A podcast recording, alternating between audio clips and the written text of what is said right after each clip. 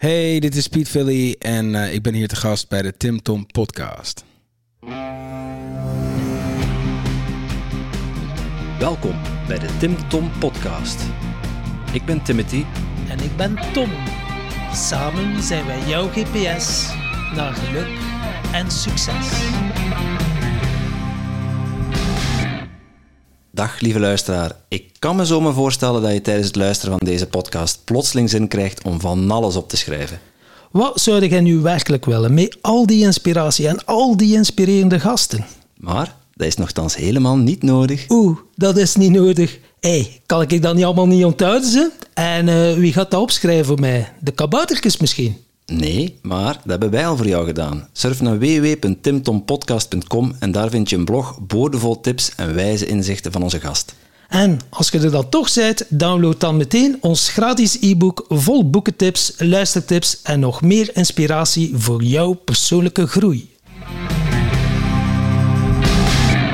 Ja, Tom, een dagje Amsterdam. Daar zijn we weer. Het is even geleden dat we weer uh, in deze mooie stad waren, maar uh, ja, we moesten weer uh, een gast vinden. En dat, soms moeten daar kilometers voor afleggen. Hè? Klopt, en dat doe je enkel maar als die een gast de moeite waard is. Uiteraard, uiteraard. Dat is een feit. Piet Philly, ja, ik ken hem van zijn muziek. Maar jij kent hem op een andere manier. Ik ken hem op een iets andere manier, ja. Ik ja, zoals de luisteraars weten, af en toe ga ik wel een keer experimenteren met plantmedicijnen. Allee, en, ja, komt af en toe wel een keer aan bod. En tijdens zo'n Iboga-ceremonie leerde ik Piet Philly kennen. En zo een fantastisch verhaal. Ik wist eerst niet dat het een artiest was. Maar enkel al zijn verhaal vond ik zo inspirerend dat ik dacht, wauw, dat wil ik uh, delen met onze luisteraars en met de wereld. Dus... Uh, ik ga nog niet te veel verklappen, maar uh, hou je maar vast aan de takken van de bomen, want de inspiratie gaat tegen de plinten klotsen. Ik ben benieuwd.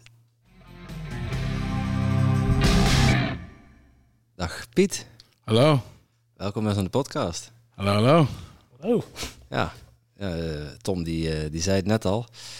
Uh, de inspiratie gaat tegen de plinten klotsen. Ja, hij schoof gewoon een zwik druk zo in mijn schoenen zo. ja, dus, maar ja, wees nu maar super inspirerend. Kom erop. One, two, three, go. Uh, we beginnen de podcast altijd met de vraag van de vorige gast. Dat maakt okay. het voor ons wat makkelijker. Alright. Dan hoeven we geen vragen te bedenken. Ja, maar het is uh, ja, een binnenkomertje. Het is, het is een lichtzinnig vraagje. Ja, ja. ja, Wat denk jij wat er na de dood is? Ah, zo, zo, gewoon, gewoon, even off the cuff, gewoon uit de mouw. Oké. Okay. Wat denk ik dat er na de dood is? Um, nou, dat weet ik niet. Maar een van de dingen die ik wel leuk vind is dat ik kwam uh, een verhaal tegen over. Um, dit kwam uit een ziekenhuis. En het schijnt zo te zijn dat mensen die worden teruggehaald van de dood, dus wanneer ze met zo'n defibrillator um, weer terug worden gebracht, dat eigenlijk ze allemaal zeggen: waarom, wat, wat doe je? Wat heb je nou gedaan? Hoezo haal je me terug? Dus whatever na de dood is, volgens mij is het leuk genoeg dat je niet per se terug wil.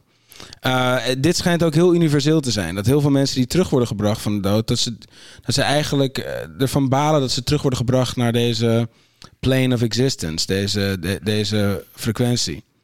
Um, voor de rest zijn veel verhalen van, van die gaan over bijna doodervaringen en gaan wel over een bepaald soort uh, gevoel van bevrijding en zo. Dus ik kan me ook wel voorstellen, we zitten natuurlijk gewoon vast in deze lichamen en moeten deze avatars maar zien te navigeren door al dit. En heb je zo'n ego in je mik die dan de hele tijd zeg tegen je zit te lullen over wat niet goed en weet je wel, dat hele ding, totale onrust.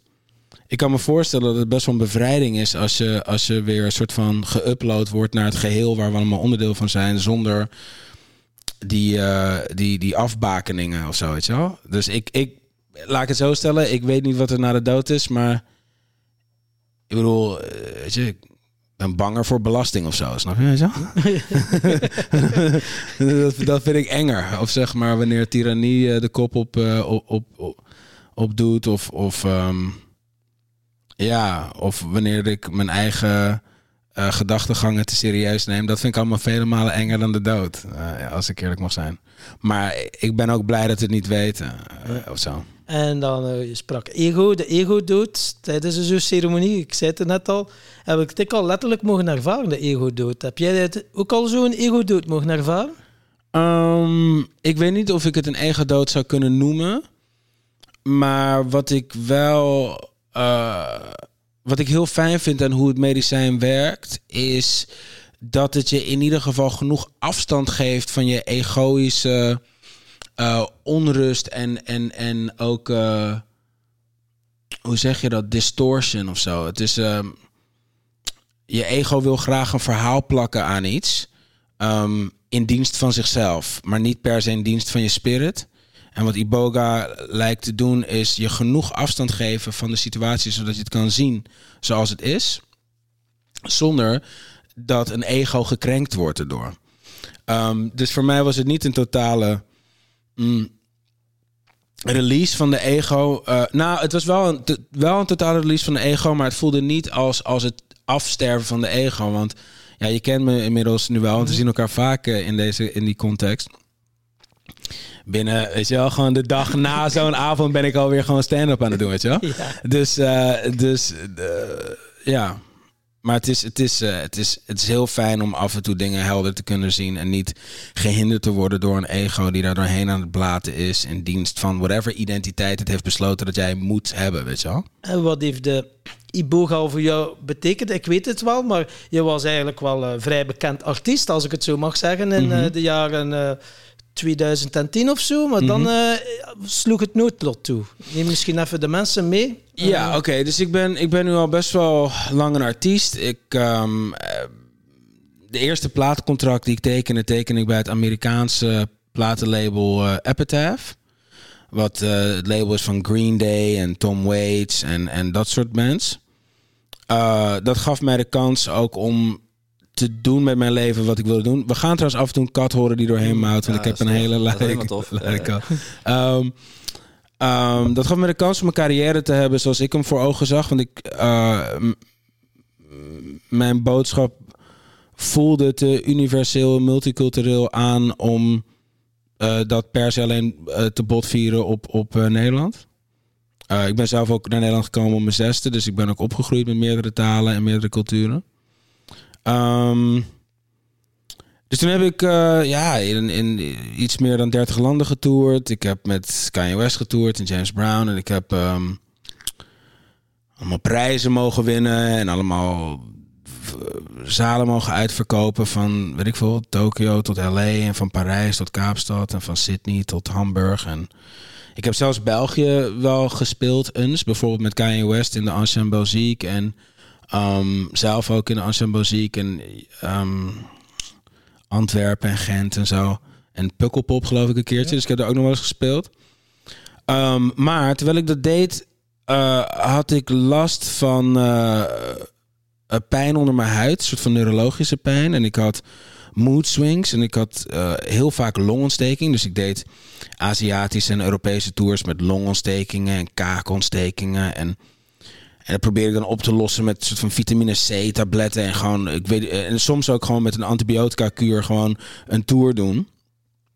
En eh, ik ga proberen deze kat te negeren, want hij is gewend. hij krijgt, het is een pandemiekat, hè, dus die heeft gewoon zoveel aandacht gehad. Die denkt, het is mijn feest, toch? Eh, Hij mag eh, ook gewoon meedoen in de podcast. Hè? Dus we hebben echt geen daar is er geen ontkomen aan. Hij gaat meedoen aan deze podcast. Ehm, Hoe, hoe heet je kat? Want dan zetten we dat ook onder de onder de, de dingen dat die ook de gast was. Eh, Onze kat heet Rico Suave. Rico Suave. Ja, ehm, of Rico voor short. Eh, ja, dus ik was eigenlijk altijd ziek. Ik had altijd. eh, en dus dat had best wel effect op. Eigenlijk alles. Op, eh, op, mijn relaties en op. ehm, eh, ja, gewoon eigenlijk op hoe ik alles. hoe mijn zender alles ontving. En ik kon het maar niet uitvogelen wat het was. Dus ik was de hele tijd ermee bezig. Ehm, maar ja, dokters konden me niet echt helpen en wat dan ook. En eigenlijk net toen ik in principe van plan was om te verhuizen naar New York. Dus ik zat toen ook in New York en ik eh, had daar even een relatie met iemand ook. En, en ik was eigenlijk aan het kijken van, nou, ik heb in Europa gespeeld, in Azië en ook wel wat in Amerika ehm, gespeeld. Maar laat ik nu Amerika even goed doen. En dus toen kwam ik daarvan terug en toen was er een dokter.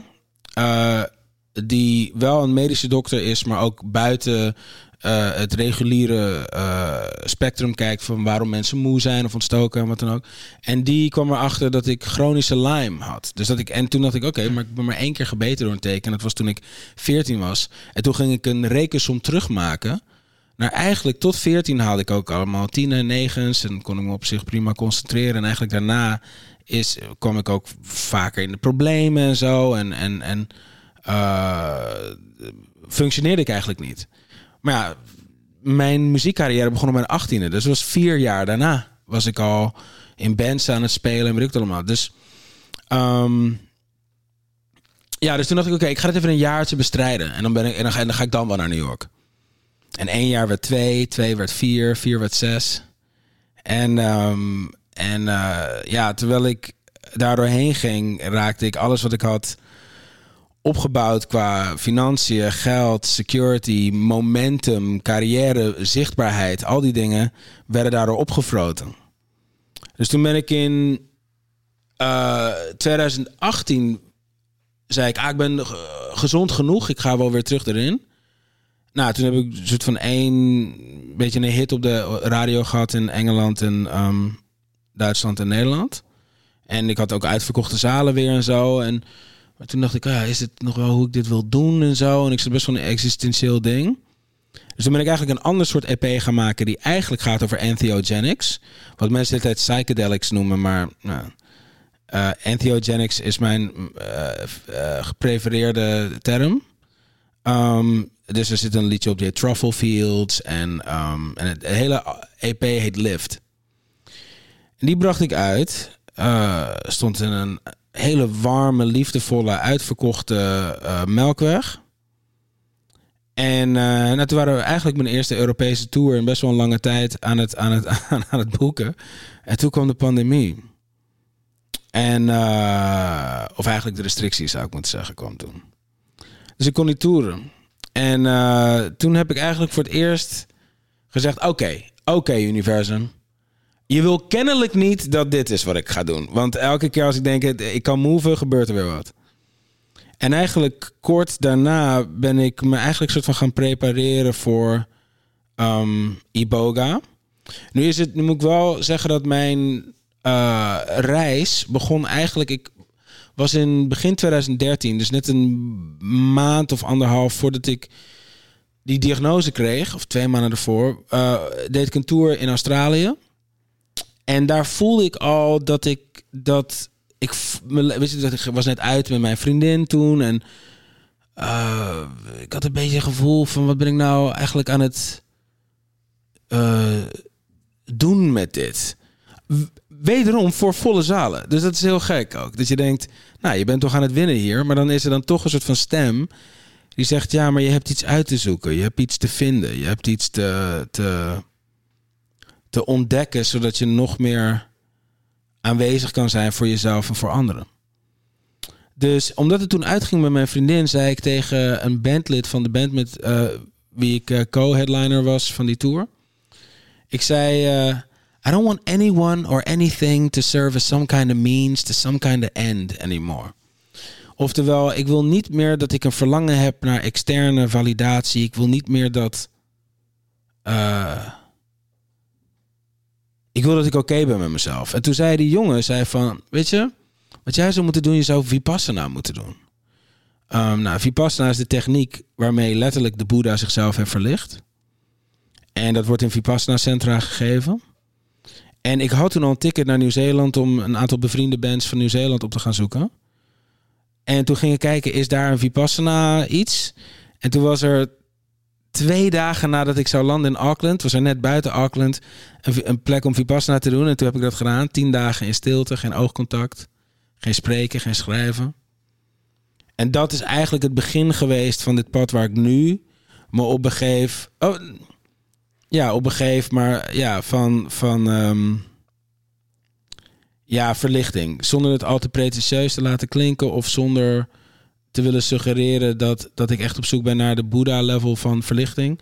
Maar dat het gewoon, ja, dat je jezelf verlicht, dat het gewoon wat lichter wordt. Dat, het, uh, dat je gewoon humor kan hebben in, in, in de, in de totale absurditeit die deze maatschappij is. En eh, so far so good. Dus dat is hopelijk kort genoeg een beetje het verhaal. En dan is Iboga op je pad gekomen. Ja, weet je, ik had al, ik had al Iboga gemicrodosed in een tinctuurvorm in 2014.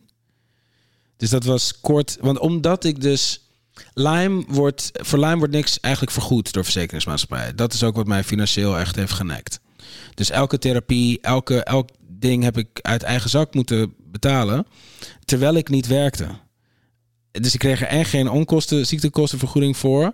En ik ben gewoon een eenmanszaak in principe. Wel die op dat punt 30 of 40 man om zich heen hadden die konden leven van die eenmanszaak. Maar een eenmanszaak nonetheless. Dus dingen als dat er dan gewoon dat er iets van dat je bijgestaan wordt in zoiets, dat was er niet voor mij. Geen backup. Geen backup. Dus eh, ik heb het geluk dat ik zoveel succes heb gehad. Dat ik dus in principe zeven jaar of zo niet heb, echt heb gewerkt en toch heb kunnen leven. Eh, maar dat was wel een dure grap, zeg maar. Ehm, maar omdat ik dus ging zoeken naar, oké, hoe kan ik daadwerkelijk mijn lichaam helen? Ook omdat in de mainstream is de consensus dat je nooit van Lyme af kan komen. Maar dat is in principe omdat er naar gekeken wordt op een soort van farmaceutische, medische wijze. En dat is allemaal symptoombestrijding. En dat is niet holistisch, het gaat niet naar de kern, weet je wel.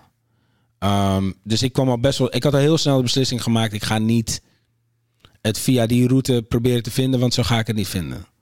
Dezelfde, dezelfde gasten die 20 jaar niet wisten wat er met me aan de hand was, gaan mij nu helpen hiermee zeker. Dus no Ja, fucking way. oplossen. Ja, ja. En dat is, dat, is, dat is een hele debiele redenering, lijkt me. Dus ik had zoiets van.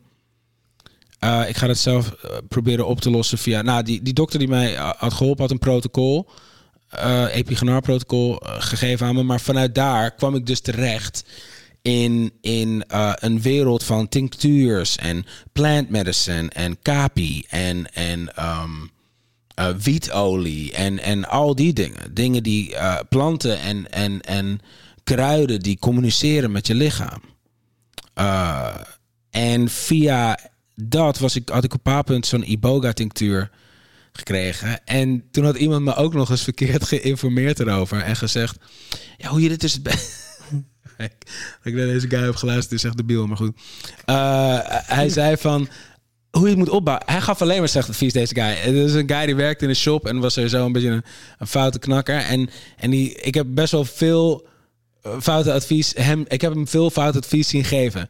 Maar ik heb er dus ook eentje ontvangen en gewoon meegenomen, had ik niet moeten doen. En het advies was dit. Wat je moet doen is, je neemt eerst eh, drie dagen of zo één druppel van dit. En daarna neem je twee druppels. En zo ga je elke dag door, neem je druppels totdat het meer en meer is. En tot ongeveer de 12 of 14 druppels. Maar hoe je plantmedicijn het beste kan microdosis, je neemt een kleine dosis, dan laat je het even liggen voor twee, drie dagen. En als je het nog een keer wil, eh, dosis wil nemen, neem je nog een keer een dosis. Maar ik zat op een bepaald- punt zat ik fucking op iets van fucking drie, was ik echt al drie weken of zo, zat ik gewoon aan die fucking Iboga tinctuur. En ik, en ik had het genomen, je moet soort dingen nemen met een intentie. En op dat punt wilde ik eigenlijk dat ik niet meer zo bezig was met, met mijn ex-vriendin. Dat was een soort van ego-pijn die maar doorbleef echoen. En, ehm, en ik wilde minder mijn de afleiding van technologie. Dus social media en maar ook entertainment en YouTube. Gewoon dat ik niet te veel met die technology bezig was, maar dat ik ook gewoon af en toe weer een boek las of zo. Dat waren de twee dingen die ik wilde doen. Dus ik wilde af van technologie en ik wilde mezelf niet zo zielig vinden omdat het uit was met mijn vriendinnetje. En ik ben in mijn studio, in mijn studio ben ik een tune aan het maken. Nou, als je dus als je basically eh, een song opneemt eh, eh, in zo'n programma, dan neem je een aantal sporen, heet dat, op. Right? Dus ik had een koordje gemaakt voor een refrein, dus dat waren zeg maar acht sporen. En soms doe je dat voor elk refrein opnieuw om het organisch te maken, maar soms kopieer het gewoon. Zeker als je gewoon het liedje aan het schrijven bent, dan kopieer je dat. Dus ik pakte die acht sporen van het refrein om te kopiëren naar, naar het volgende refrein. En, en dus ik keek daarnaar. En terwijl ik keek naar dat scherm, zag ik dus dat mijn stem was veranderd in een niet eens een opname van mijn stem, maar een digitale interpretatie van mijn stem in de vorm van een eigenlijk een gekartelde wave vorm, want dat is wat digitaal opnemen is. En ik was het aan het kopiëren en terwijl ik het aan het kopiëren was, begon ik echt te walgen van de technologie van dat. Want het is een kopie van een kopie van een moment die niet meer is, die je dan probeert te verlengen. Ik zat ernaar te kijken. Dus ik doe zo mijn fucking de, de, de laptop dicht. En uh, mijn, uh, mijn uh, nu vrouw was, was in een andere kamer. De, de, de, de, dame die nu mijn vrouw is, die was in een andere kamer aan het werk. En ik liep, ik liep die kamer in. En ik begin toch een partijtje te oreren over liefde en realiteit en hoe dingen nou eigenlijk in elkaar zitten. En ik heb basically die avond een boek geschreven. Gewoon, ik ben gewoon, ik pakte een pen, ik pakte een papier. Ik begon zo, zo te schrijven, ene pagina naar de ander. En dat was het ding van fucking iets van 100 pagina's. Zo, als een soort van compleet. Ik was gewoon naar mijn hand aan het staren, terwijl hij zo alle, alle manieren waarop je dus kan zeggen hoe, het nou, hoe de vork nou eigenlijk in de steel zit. Weet je wel? Dus, dus wat betreft onze eigen projecties en percepties en zo. Nou, en uh, dus dat was mijn ervaring met een soort van microdosis van dat. dus op een bepaald punt had je die, had je die soort van um, al die restricties en mochten we allemaal dingen niet. En moesten we met z'n allen heel erg bang zijn voor iets wat in de lucht was. En, um, en, we, en ik, dus ik zat soort van thuis. En op een bepaald moment dacht ik, dit is een opportun moment om even dat gesprek aan te gaan. Uh, met Iboga. Dus toen heb ik een vriendin van mij gebeld. Die heb jij trouwens nog ontmoet, want toen was jij erbij toen ik ging assisteren de eerste keer? Is het Michel dat je hebt? Juist, Ja, juist. Ik had Michel gebeld en gezegd van oké, wie, eh, wie moet ik checken voor je boga? En toen kwam zij aanzetten met, eh, met dat ding in Dalfsen. Ja. En ehm, ja, en toen eh, denk ik, ik had het gepland voor twee maandjes daarna. Dus eind 2020. En die shit was fucking epic. Dat sloeg echt helemaal nergens op. De eerste is nog steeds de meest imposante geweest voor mij. Ook omdat die fucking hilarious was. Het was zo hilarisch. Het was zo grappig. Het was ook pittig, want ja, jij kent het. Je ligt daar met een aantal mensen in zo'n ruimte. En sommige mensen krijgen gewoon al hun kindertrauma voor een porum. Nou, dan is het natuurlijk niet heel leuk dat iemand in een hoek gewoon aan het schateren is. omdat hij de universele waarheid, zoals een terabyte op 1 MB sticky, zo zijn porum ingeduwd krijgt. Het was echt hilarisch. Hoe, hoe Iboga met me sprak was echt zo funny. Het was zo, het was heel snel. Het was een soort van eh, dwerg comedian die dan me even ging uitleggen wat de hele wereld was qua, qua en- energie. Want ik wil niet voorstellen dat het, dat, dat, dat het die visual was, maar dat was de energie ervan. Ehm, wat ik heel leuk vind aan hoe, hoe planten een gesprek met ons kunnen hebben, is dat zij zijn spirits net zoals wij. En net zoals wij, sommige mensen zijn heel humoristisch, anderen zijn wat meer serieus, sommige mensen zijn heel praktisch, andere mensen zijn heel esoterisch. En dus elke keer als je engaged met een, met een andere ehm, oogst van deze plant, benadert hij je vanuit een ander gesprek. Vergelijkbaar met hoe jullie met verschillende mensen deze podcast doen. En dan vanuit verschillende perspectieven hopelijk weer een stukje meer licht kunnen toevoegen aan het vuur. Weet je wel? En, eh, en, en dus de eerste keer dat ik een gesprek had met Iboga, of dat Iboga een gesprek had met mij in principe, was het hilarisch. En, en ehm, ja, dat was echt. eh, ja, was, was mindblowing. Goed, dus staat er zo'n dwerg, eh zo'n dwergcomedian voor je eh, te oreren van hoe het allemaal in elkaar zit. Maar dan, Piet, wat, wat, Nou ja, wat, het is- doe het je is- daarmee? Kijk, waarom, waarom, wat ik Met vet vind aan plant medicine, dus mijn ervaring is, is eigenlijk eh, ehm, met echt qua ceremonieel is het alleen met die boga. Maar het spreekt in jouw stem. Ik kan me ook voorstellen dat een God alleen maar zou, als een God tegen jou spreekt, eh, zou het alleen maar spreken in jouw stem. Dus als je heel visueel bent aangelegd, dan krijg je het heel visueel voor je, voor je kiezen. En als het heel Ehm, als je heel linguïstisch bent, krijg je het met taal. Als, als je meer op het moet voelen, dan krijg je het via gevoel. En, en, en het is niet alleen afhankelijk van hoe jij in elkaar steekt, maar het is ook waar begeef jij je op je pad. Tot, tot, tot welk kanaal, eh, via welk kanaal ben jij beschikbaar om deze boodschappen te ontvangen? Eh, dus de eerste was, was, was hypervisueel. En heel goddelijk, heel divine. Het liet me... Alles was ehm, qua ontwerp en, en visuals op een goddelijke manier ontworpen. In de zin dat het was op de manier waarop ik het het allerprachtigst zou vinden om te zien. Alsof het nou ging over een huis of een ruimte of een idee voor een bepaald soort community center of zo. Alles wat ik in mijn hoofd had, liet het het zien in ja, toch wel de mooiste visuals die ik ooit heb gezien. En maakte gebruik van mijn brein en mijn smaak en mijn idee van hoe dingen in elkaar zitten. En gebruik dat dan om dat beeld voor je te schilderen. Dus ja, als God jou een schilderij toe beschildert, gebruikt hij specifiek jouw penseel. Dat is epic. Dan denk ik, ik ben mezelf lucky bastard. Want de eerste keer dat ik Iboga aan, wow, dan zag ik die diepste programmering met verslavingsstukken die er nog zaten. Nee, hier, hier heb je mee te dealen, tak. En dat was dus niet, eh, ja, dat vond ik dan toch uh, allee, heel dankbaar. Omdat het echt wel, uh, mijn systeem is, dingen die ik verdrongen had toen ik nog in dat drugsmilieu zat en zo. ja, doe je ook wel dingen die niet zo kosher zijn. En ja, ik schaamde mij erover en dat was mm, heel diep verdrongen. Maar Iboga zegt, nou, dan gaan we eerst even naar de oppervlakte brengen. Ja, we gaan even naar kijken. allemaal eens naar kijken. En eh, ja, dan dacht ik, wow, wat is dat? Maar daarachter voel je wel eh, een stukje lichter en vrijer. En eh, dat was wel de moeite. Ik heb het twee keer gedaan als deelnemer.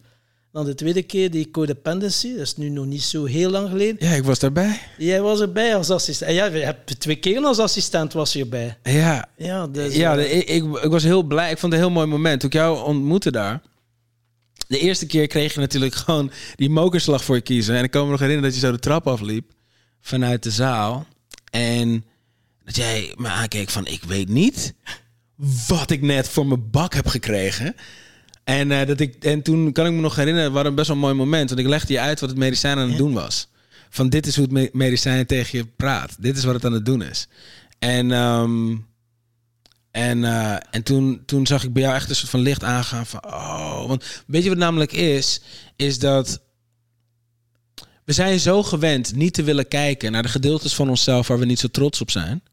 Dat als je dat ineens zo helemaal zo recht in beeld eh, krijgt. En dit gaat niet over jou hoor, dit gaat over in het algemeen. Dan hebben we dus de neiging... over jou, Tom. Ja. Het gaat wel echt heel erg. Dit is totally. Ik ben, ik ben je stiekem aan het roosten nu. Op je eigen podcast gaan. Ehm heet het? Ehm, eh, hoe heet dat? Je, als je gewend bent op die manier te kijken, dus op een egoïsche manier te naar, naar te kijken, ehm, dan voelt het bijna alsof je gepest wordt door het medicijn. Maar het laat je alles zien wat je niet wil zien. Dus je denkt, ik word gepest. Maar als je snapt dat het, dat het aan je laat zien wat je moet zien, zodat je wie je eigenlijk bent kan zien, eh, dan omarm je ook whatever boodschap het je geeft. Ehm, want ik bedoel, de eerste keer voor mij was hilarisch en leuk, omdat Iboga is dacht, "Hmm, als ik hem nu nog meer sadness ga geven, dan gaat hij dit pad niet af. Dus ik ga hem, want weet je, stand-up is mijn taal, hip-hop is mijn taal, punchlines en, en, en beeldspraak is mijn taal. En, en visuele vormgeving is mijn taal. Dus het ging gewoon in die taal, ging je zeggen, oké jongen, eigenlijk ben je hartstikke prachtig en unlimited en je kan van alles en nog wat. Let's get that, out- weet je, let's get that out of the way first. Dit is wat er aan de hand is. Je bent gewoon super. Ik had die reminder ook nodig. Want ik zat zo lang vast in die loop van, van ziekte. Who dares disturb my podcast? Oh, wacht even. Sorry, pakketjes. voor de deur? Ja. Laat je dit gewoon aan Ja, Ja, tuurlijk. tuurlijk. Komt iemand een pakje brengen? Eh,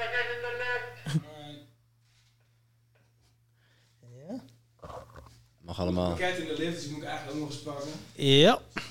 Ga je gang. Zien jullie dit ook een beetje niet? Nee. Nee, nee, nee. dat Gewoon nodig? de rauwe versie. Spelen gewoon totally jou. Ja, de luisteraars kunnen even naar het toilet gaan, een glaasje water nemen of gewoon op pauze zetten. Is- Eh, Je, je ego laten spreken, Tom. Hoe, Ja. Hoe, hoe, hoe spreekt Iboga tegen jou? In welke taal? Maar Iboga, die eh, laat u gewoon de rauwe versie zien. die gaat het niet verbloemen, niet verpakken, zodat je het... eh, oh, dat je zegt, ah ja, ja, ja. Nee, dat is direct knal in je face. En eh, als je dat niet gewoon bent, dan is dat wel even verschieten. En dan eh, kom je jezelf wel op eh, meerdere vlakken tegen. En tweede keer natuurlijk was het, ja, kende ik het medicijn en had ik er al mee gecommuniceerd. Dan kon ik wel in die overgave gaan. Dan dacht ik, oké, je weet best, je weet wat het beste is voor mij, dus ik geef mij ook volledig over. En dan eh, gaf ik mij ook volledig over en dan was echt wel die codependency die, ja, die mij echt wel, eh, ja, daar- ben, ben ik van verlost. En eh, ja, dus ik heb al heel wat mooie geschenken mogen ontvangen van Iboga. Maar Iboga was bij mij op mijn pad gekomen omdat shamaan waar dat ik een ayahuasca-ceremonie mee gedaan had, die zei van, ik denk dat je een keer klaar bent voor een Iboga-ceremonie. Wist ik veel. Bij ayahuasca had ik wel al ook mooie ervaringen gehad. En ik dacht, ja, het is ook een plant. Ja, maar Iboga eh, was even de grootvader van alle planten. hè? Dat, Next Zo wordt hij wel genoemd dat was next level shit. Ja. Hey, ja, je had het over, over dat visuele. Mhm. hè, dat het, dat het, dat het eh, in jou werd uitge- uitgelegd of gebracht in een taal die je begreep. Mhm. En ook op een manier dat je toch dat pad ging bewandelen. Eh, kun, kun je daar verder... eh, Ja, zeker. werken? Dus, dus ik denk dat de reden dat mijn eerste ervaring zo positief was, was omdat ik heb zoveel verdriet en verlies moeten meemaken. Niet alleen in de vorm van dat ik ziek was en een, dat de carrière en al dat soort maar daarvoor al. Dus in mijn gezin en in mijn achtergrond en ehm, eh, ook bij mijn vader en, en zijn vader. En bij, dus veel verdriet en, en, en stuff eh, in mijn eh, familie. Dus ik denk dat hij gewoon zoiets had van... oké, ik ga je eerst eventjes de joke vertellen van wat het universum is. Eerst krijg je de joke. Zodat je vervolgens heel enthousiast een tweede Iboga-ceremonie kan doen... en volledig gewoon je reet geschopt kan krijgen... zodat je echt nog een maand lang mank loopt. En dat is exact wat er gebeurde de tweede keer dat ik dat ik deed. Volgens mij leer- leerden we elkaar kennen toen ik voor de... Je- Was, hebben we elkaar leren kennen toen we allebei lagen... of toen ik aan het assisteren was? Jij was aan het assisteren, was in juli vorig jaar. Oké, dus dat was, dat was dan denk ik een aantal maanden na mijn na de tweede ceremonie. En de tweede ceremonie waren geen visuals. Het was gewoon donker en een soort van onheimlich soort van gevoel. En die duurde van... eh, en het was... eh, Oké, ten eerste, de eerste keer dat het zo leuk was, was op de rebirth avond. Ja. Dus dat was letterlijk ook een wedergeboorte. Tweede avond, tweede keer dat ik eh, Iboga even een gesprek kreeg, was tijdens de doodavond. En dus we hadden op punt dan het medicijn in ons. En toen was ik zo aan het wachten. Van ik denk een uur of twee s'nachts tot iets van zeven uur 's ochtends. In een soort van super... Een soort van angstige plek. Maar wel echt letterlijke doodangst. Dus echt zeg maar... ehm, ja, ik, dit, ik ben echt in gevaar. Ik weet niet wat er aan de hand is, maar ik ben in fucking gevaar. En toen zo om zeven uur ochtends, half negen ochtends, daar ergens. Volgens mij was het half negen ochtends. Kreeg ik één plaatje te zien van iets traumatisch wat mij is overkomen toen ik 14 was. En ik kreeg alleen het plaatje te zien. Maar je weet toch hoe je in de Harry Potter films heb je van die foto's die kunnen bewegen? Het was een beetje dat. En dat moment, zoals eh Celine ook zegt, eh Celine host deze, of leidt eigenlijk deze ceremonies. Ze zegt wat Iboga doet, het is ook letterlijk een wortel. Dus het gaat naar, naar, naar de wortel van het moment dat jij een beslissing hebt gemaakt. Voor jezelf of over jezelf. En ik heb op dat punt een beslissing gemaakt van, ik ben nergens veilig. Ik ben sowieso niet veilig. Ik kan er niet echt van uitgaan dat, ik, dat mijn grenzen niet overschreden zullen worden door anderen. En dus eigenlijk heb ik sinds mijn veertiende... eh, heb ik eigenlijk vrijwel structureel saboterende dan wel zelf saboterende keuzes gemaakt. Dus de realisatie dat voor de laatste fucking 18 jaar of zo, ik dus in al mijn relaties en al mijn endeavors altijd net naast de roos heb zitten mikken. Omdat ik er gewoon vanuit ging dat ik niet veilig was. En dus het gigantische verlies van uh, het inlossen van mijn capaciteit als mens in dit geheel. Ja, dat is een verdriet waar ik letterlijk geen woorden voor heb. Want je komt er ineens achter, holy shit.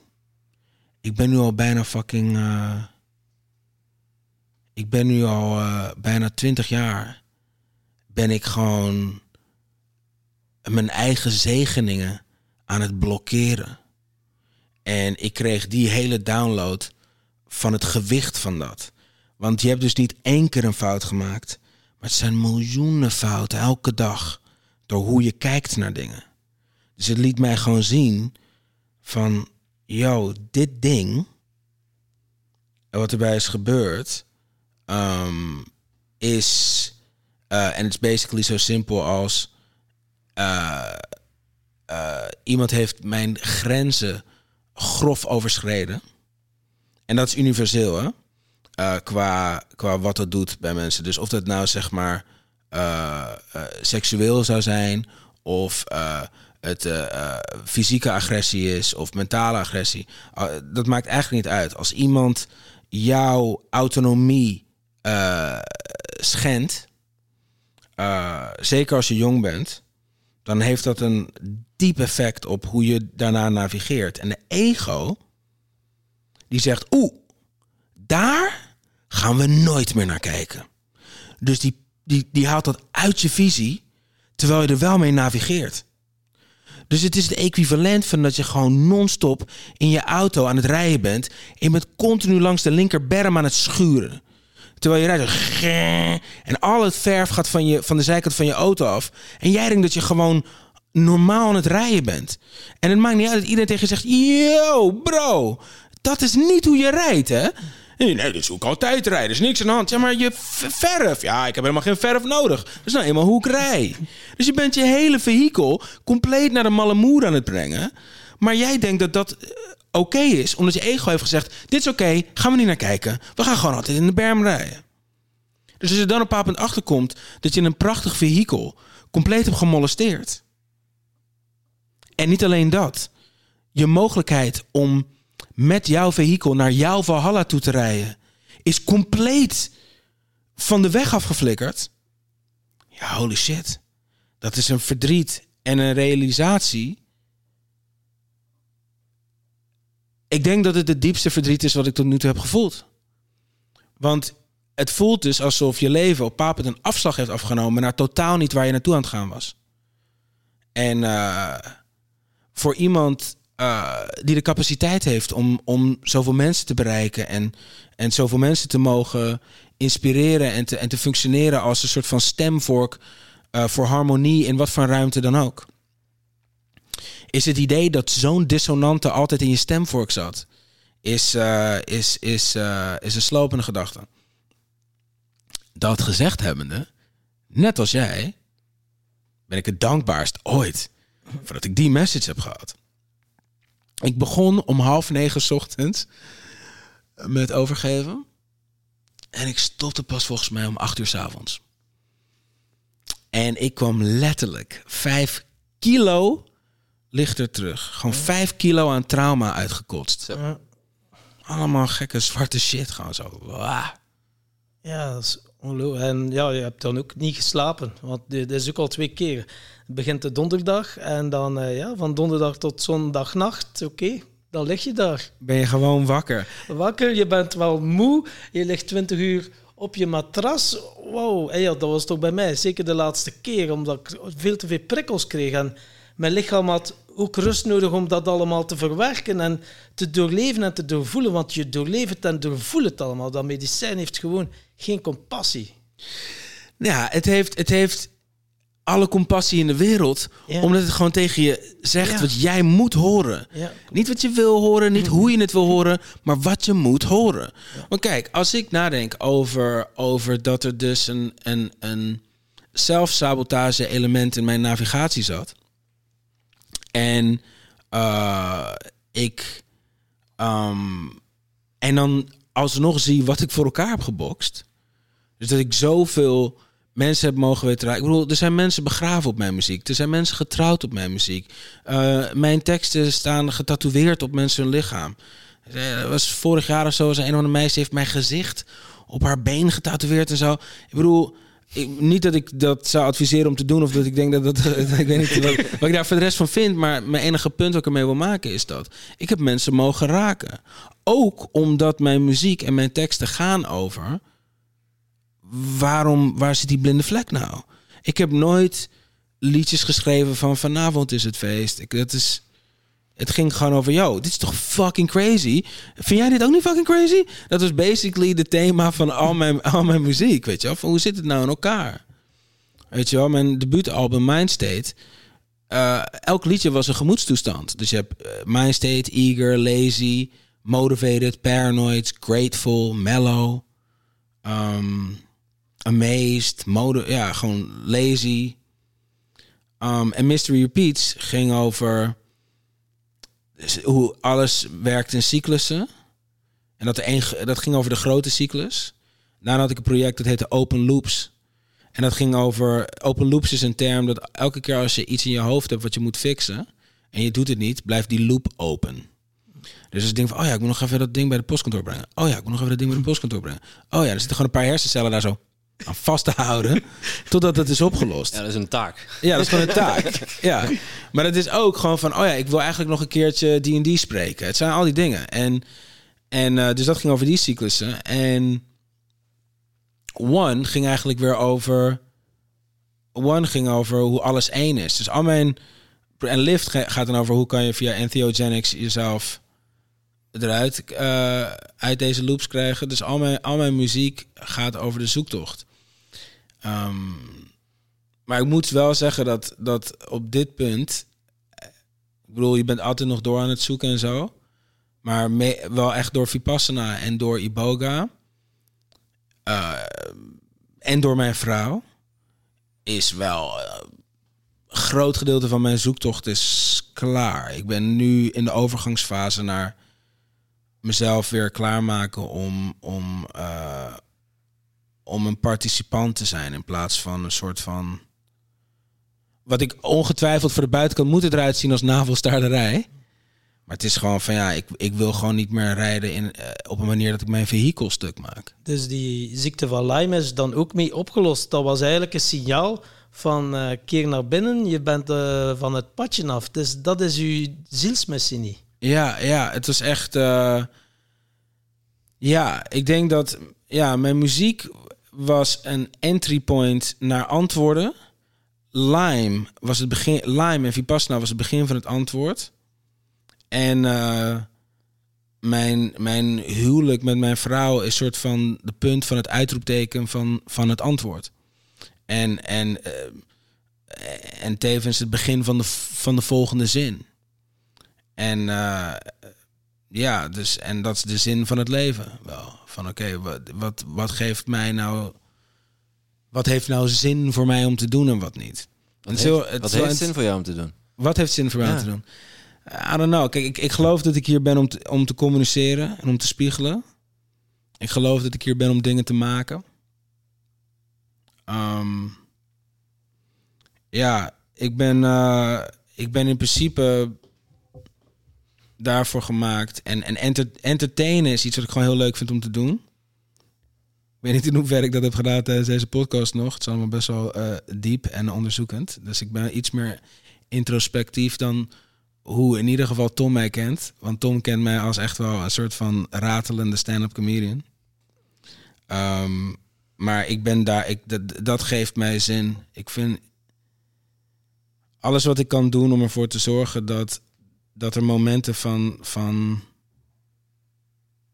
licht is. Dat het gewoon even allemaal niet zo zwaar is. En ik denk dat dat ook mijn liefdestaal is, omdat ik mezelf dat heb aangeleerd naar mezelf toe om dingen minder zwaar te maken voor mezelf. Dus het is hoe ik anderen lief heb, is hoe ik zelf lief gehad wil worden. En, ehm, en, en dus ja, gewoon een zaal gewoon in, in harmonie krijgen met iets uh, waarin ik functioneer als een prisma voor het licht. Of dat nou staand voor een, voor een band is of, um, of ik nou een lezing geef of een masterclass of ik, of ik uh, whatever. Ik heb van alles nog wat gedaan.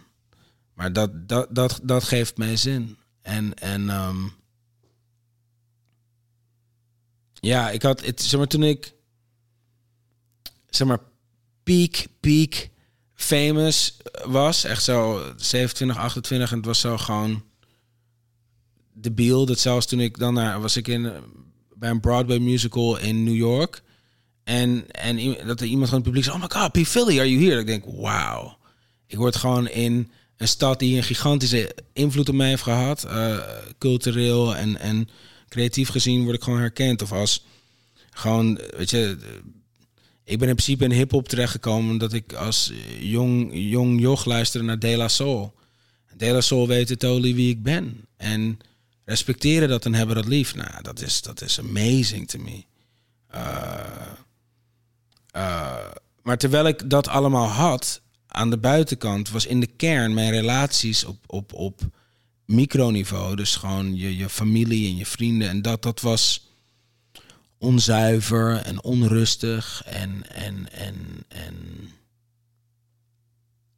troebel, omdat ik gewoon nog niet die Iboga soort van refresh van de browser had gehad. Weet je wel, dat idee van oké, je moet even deze browser refreshen, want je ziet de website niet meer helder. En, um, en eigenlijk door het ontmoeten van mijn vrouw en door, door, door die Lyme-diagnose en door, uh, door, door Vipassana, wat allemaal gebeurde in hetzelfde vijf maanden tijd, uh, ben ik nu op een plek dat juist mijn mijn core, mijn, mijn eigen cirkel is heel gezond, heel vrolijk, heel happy, heel connected, heel loyaal. Heel eerlijk, op een manier zoals Iboga eerlijk tegen je is. Dat als ik toch nog uh, mezelf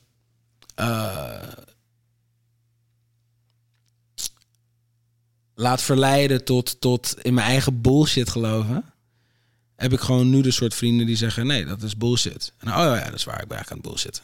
Terwijl hiervoor ik zie iemand, ja, whatever jij zegt, zolang we maar dit, deze trein kunnen door laten gaan, weet je wel. Dus, dus dat is een ontzettende gift die ik heb gekregen met het verlies van mijn oude leven.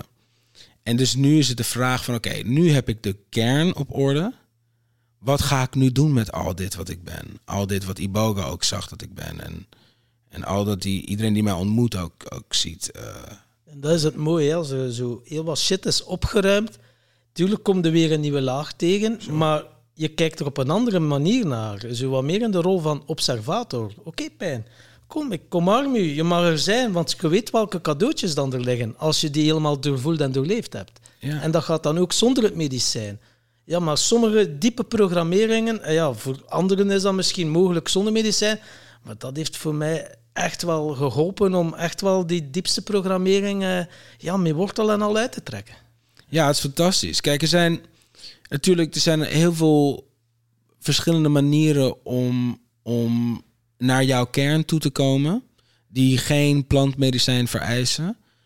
Maar de reden dat het Hof van Ede gevuld is met deze planten is niet per ongeluk. Weet je wel, dit is een goed voorbeeld.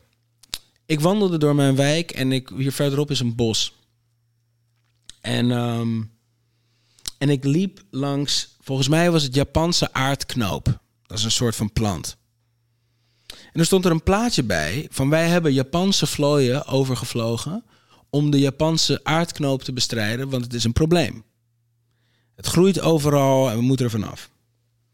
Maar Japanse aardknoop is één van de kruiden die ik heb gebruikt om mezelf van Lyme af te helpen. En mijn idee van wat planten en kruiden, en zeker wat men onkruid noemt, de planten zingen continu naar ons we willen je helpen. Je bent uit balans, je bent niet gezond. Dus als je ergens woont en er groeit heel veel ervan, Zoals bijvoorbeeld hier, brandnetel groeit heel veel. Uh, maar ook um, paardenbloem groeit heel veel. Dat is omdat, omdat, in ieder geval voor de paardenbloem, is dat we, en taal is daar ook in ook een mooie, we heel veel op onze lever hebben. Dit moderne leven, leven zorgt voor een lever die best wel, die best wel overbelast is. Dus dan groeien er overal paardenbloempjes. Met zoiets van, ja, eet mij dan maar. En dan kan ik helpen een beetje je lever te detoxen. En die brandnetel, ben ik wel benieuwd naar. En die brandnetel, ja, ik moet even kijken waar brandnetelthee ook weer goed voor was. Ik wist dit, maar ik ben het op dit moment kwijt.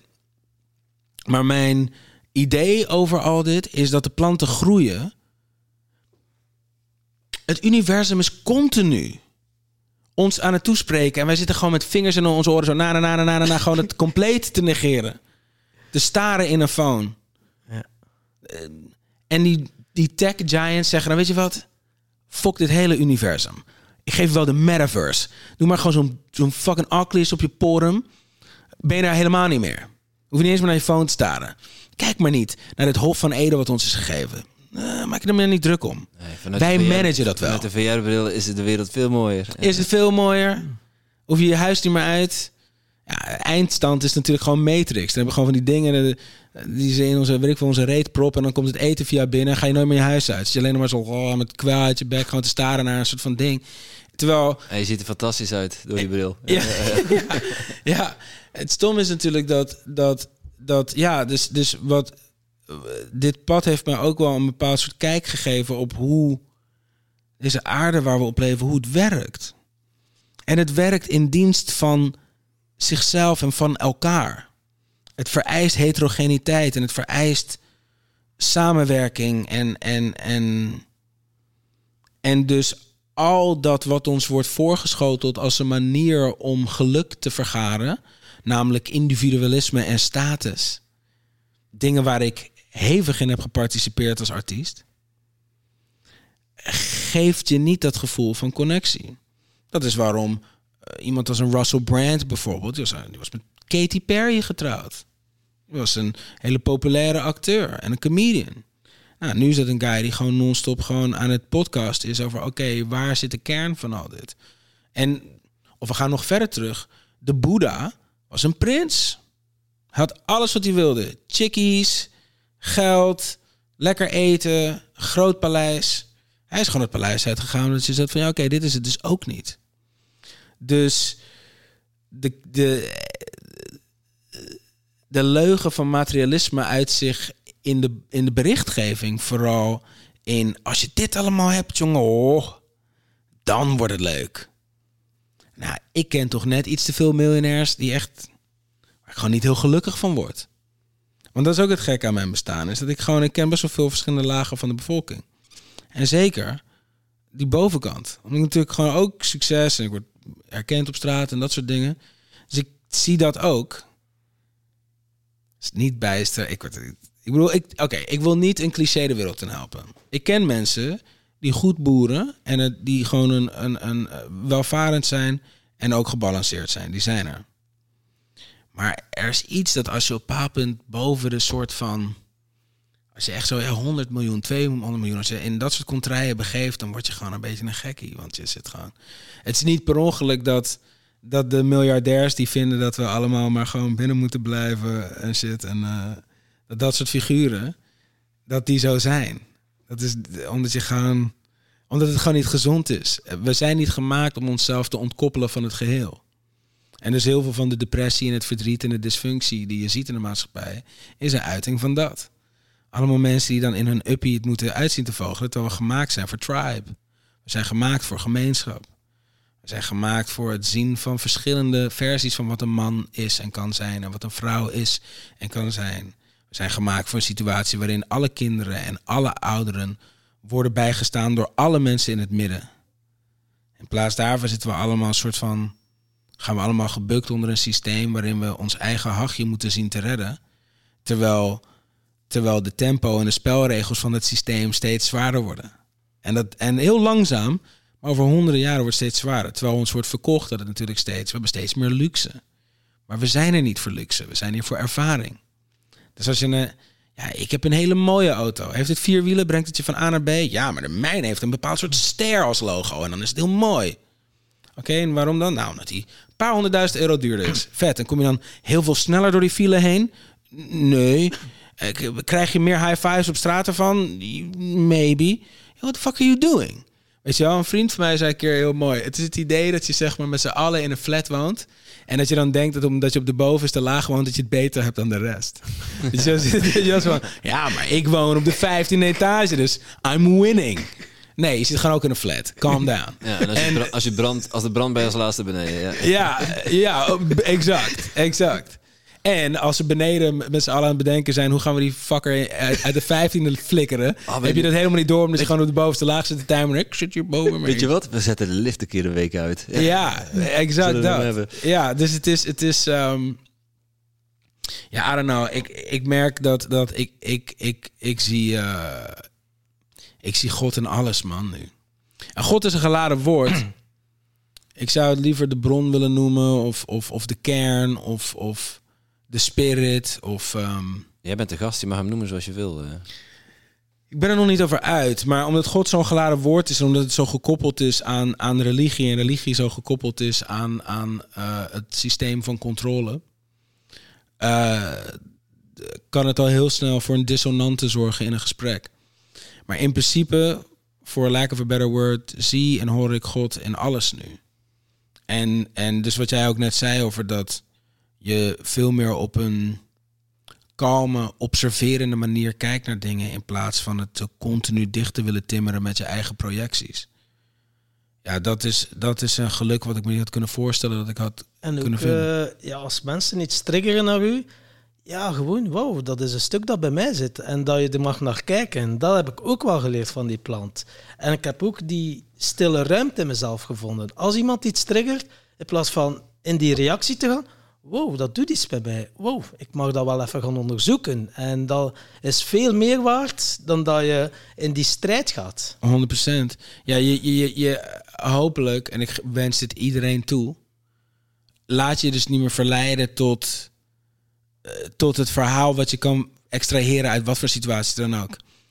Hoe deze podcast nu gaat, voor mij, is compleet afhankelijk van hoe ik het invul. En de bandbreedte is oneindig. Dus ik kan zeggen, nou, dat ging wel helemaal mis. Ik zei allemaal hele gekke dingen.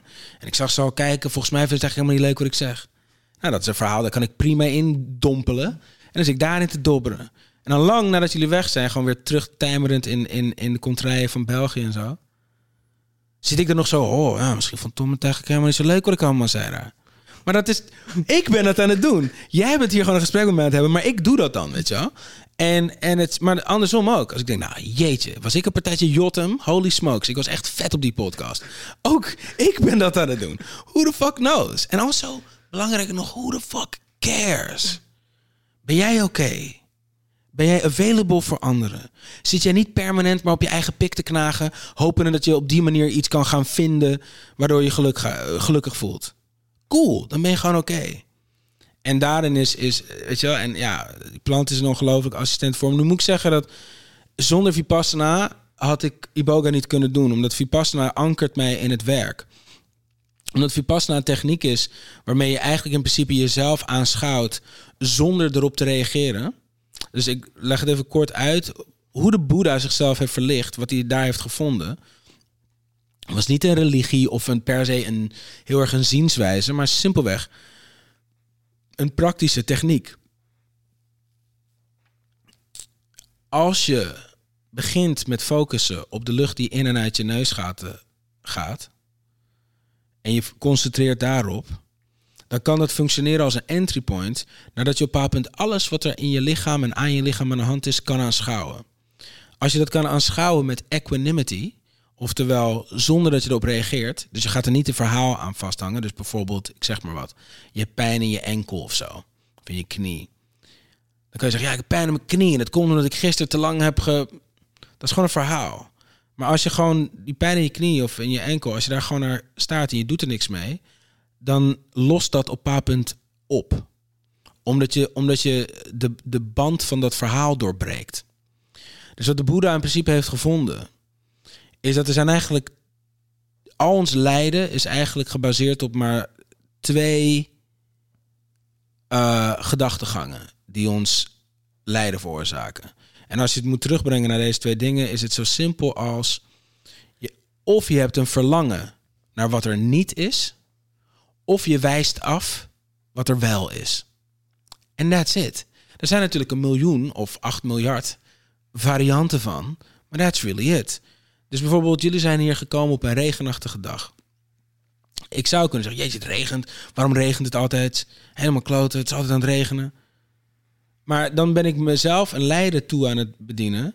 Uh, over iets waar ik niks aan kan veranderen. En also is not that important. Nee, het is de eerste keer in twee weken dat het eindelijk een keer regent. Ja, precies. En het is... Uh, en dat verlangen naar wat er niet is, is dan ja, ik wou het gewoon de zon. Als, als er nou zon was, dan was ik oké. Als de zon zou schijnen, dan, was die podcast veel beter geweest. Dan was ik in een betere bui en had ik andere dingen gezegd. Dit komt zo makkelijk uit met zo'n gedachtegang, omdat de ego kan niet wachten op zo'n soort verhaal. Ja, als ik nou de juiste schoenen had, ja, dan had ik, was ik er niet in 10 minuten geweest, maar in 5. Het is ongekend. En, en de kern van al dat lijden, dat kan je dus laten oplossen bij jezelf door te kijken naar de kern van die pijn. En we slaan al onze pijn en al onze trauma's slaan we op in ons lichaam. En dus wat de Boeddha heeft gedaan, is eigenlijk wat iboga en ayahuasca en paddenstoelen en peyote en, en uh, ganja en al dat soort dingen ook doen. Uh, maar dan veel zwaarder, want je doet het zelf.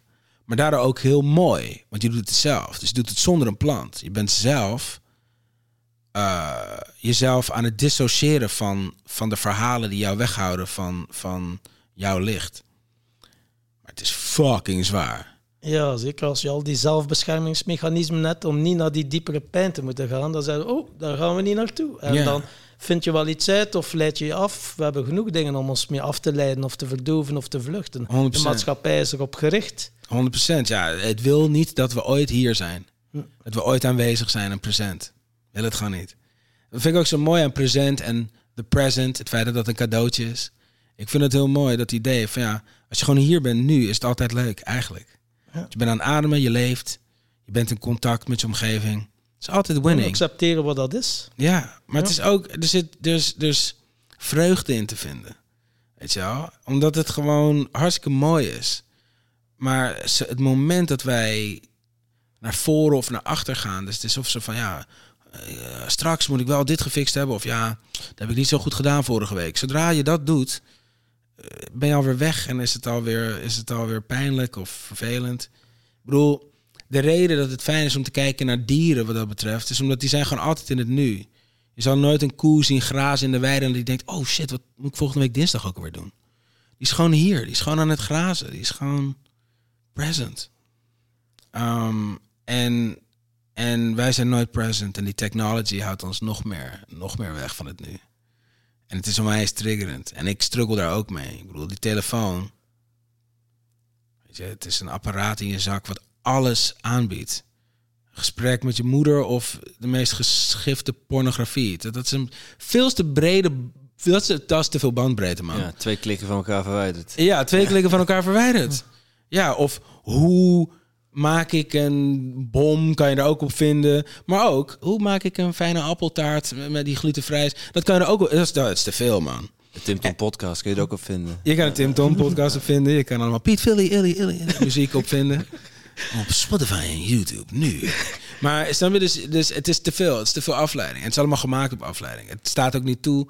Zeg maar, al die dingen, zeg maar Spotify, YouTube, Netflix, um, Instagram, TikTok, al die dingen die bieden ook gelijk het volgende ding aan als je het hebt geconsumeerd. Op Twitter is dat ook. Dan heb je hier iets en dan heb het volgende ding. En dan heb je dat gezien en dan het volgende ding. Het wil gewoon dat je gewoon blijft daar. En de arrogantie van zo'n meta-bedrijf. Dus denken, nou, we hebben ze nu genoeg op de haak. We gaan ervoor zorgen dat ze er nooit meer afgaan. Ik vind dat heel, ik vind dat heel arrogant tegelijkertijd. De reden dat wij af te leiden zijn, is in principe een neurologisch gegeven. Het is, het is voor onze, onze survival noodzakelijk geweest. Dat ik dacht, hey, wat is dat? Wat is daar? Ja, als het een leeuw is in de jungle, dan wil je wel weten, wil je wel herkennen aan het geritsel dat dat een leeuw is, toch? Dus dat is hoe we hebben overleefd. Maar die triggers worden nu gebruikt met kleurtjes en geluidjes en notifications. En die houden ons in die loop. En, en uh, ik heb er met tegenzin heel veel respect voor. Dat ik denk, holy smokes, dat hebben ze echt, echt goed gedaan. Maar het is niet, uh, het is gewoon niet, het is niet gezond. Ook omdat dus er is zoveel schoonheid te vinden als je gewoon hier bent. En ik zeg dit als iemand die ten eerste altijd al afgeleid is geweest. En zijn primaire taak in het leven is om mensen af te leiden. Ik hoop dat ik ze ook kan inleiden naar iets toe. Maar in principe is muziek en entertainment en al die stuff is gewoon afleiding. En het wordt, of laat ik het zo stellen, het wordt met name gebruikt ter afleiding. En niet ter inleiding. En ik, uh, maar als iets, je, weet je wat jullie doen, is jullie leiden mensen ergens in. Naar, naar mensen die iets hebben onderzocht, die iets hebben uitgevogeld van oké, hoe, hoe hou ik mijn lens schoon? Hoe kan ik mijn leven uh, functioneel maken of, of beter maken? Of, of uh, hoe kan ik liefdevoller omgaan met mezelf en met anderen? En elke seconde krijg je de kans om dat te doen, uiteindelijk. Ja, maar die ego is fucking strong as fuck. Het is basically alsof je een soort van... Je hebt forever zeg maar zo'n slemieltje op je schouders... die gewoon zo... Gewoon tegen je in aan het... Uh, gewoon forever aan het lullen is. Ik zei tegen Celine laatst dat... dat, uh, dat ik zei van holy smokes, dit medicijn is echt ongelooflijk.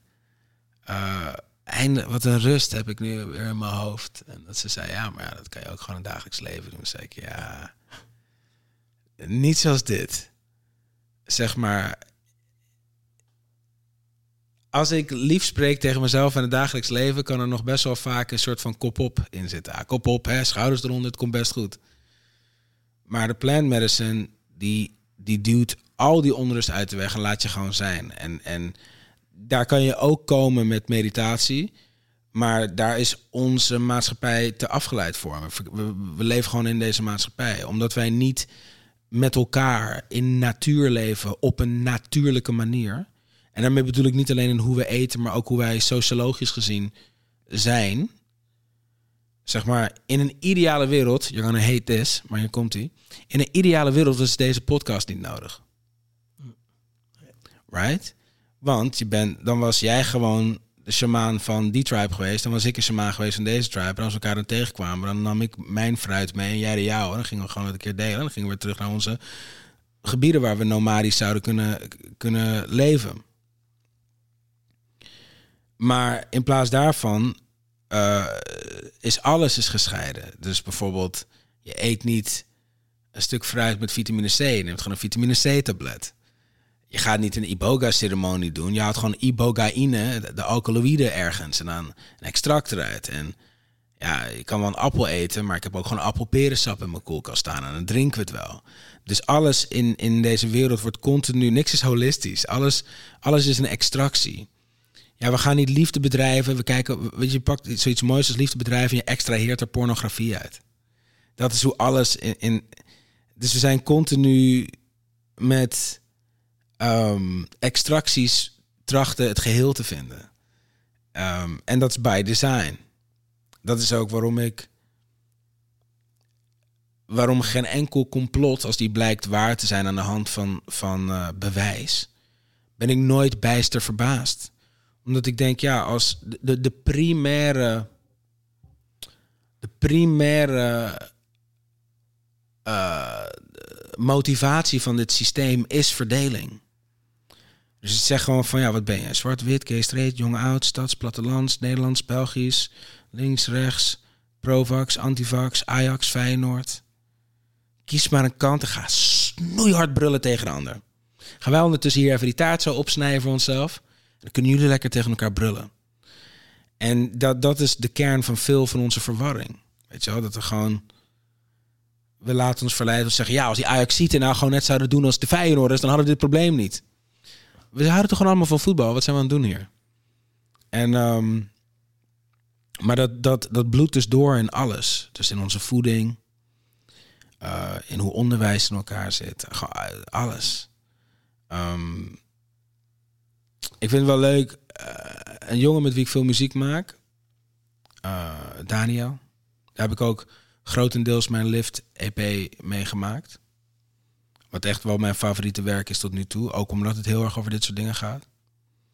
Eh, en die vertelde me dat het woord Diablo, wat wij allemaal kennen als het woord voor de duivel, dat dat afstamt van het Griekse werkwoord om te verdelen. Wat ik daar zo poëtisch aan vind, is dat dus de primaire evil, de ultimate evil? De duivel is, de, is het boegbeeld van alle, alle evil in, in de wereld. Dat de, dat de primaire evil is de verdeling. Is het idee dat dit niet allemaal één ding is. Dat, dat, dat, ja, jullie zijn een andere zwik moleculen op een andere manier samengesteld, maar we zijn gewoon hetzelfde ding. En alle verdriet, alle lijden, alle shit waar we doorheen gaan, de, de primaire issue en al dat is het feit dat wij zijn getraind om te geloven dat die verdeling echt is.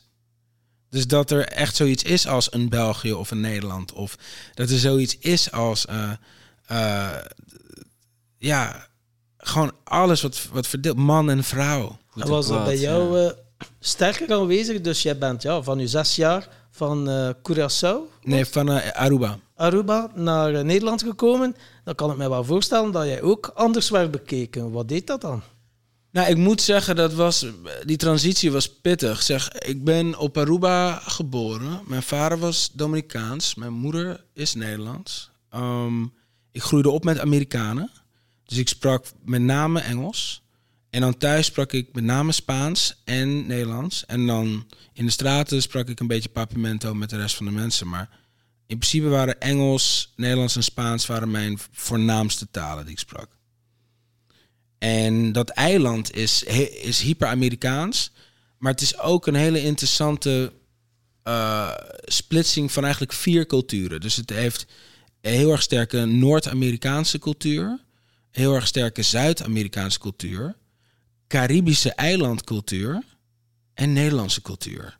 In een soort van hele interessante blender op dat eiland.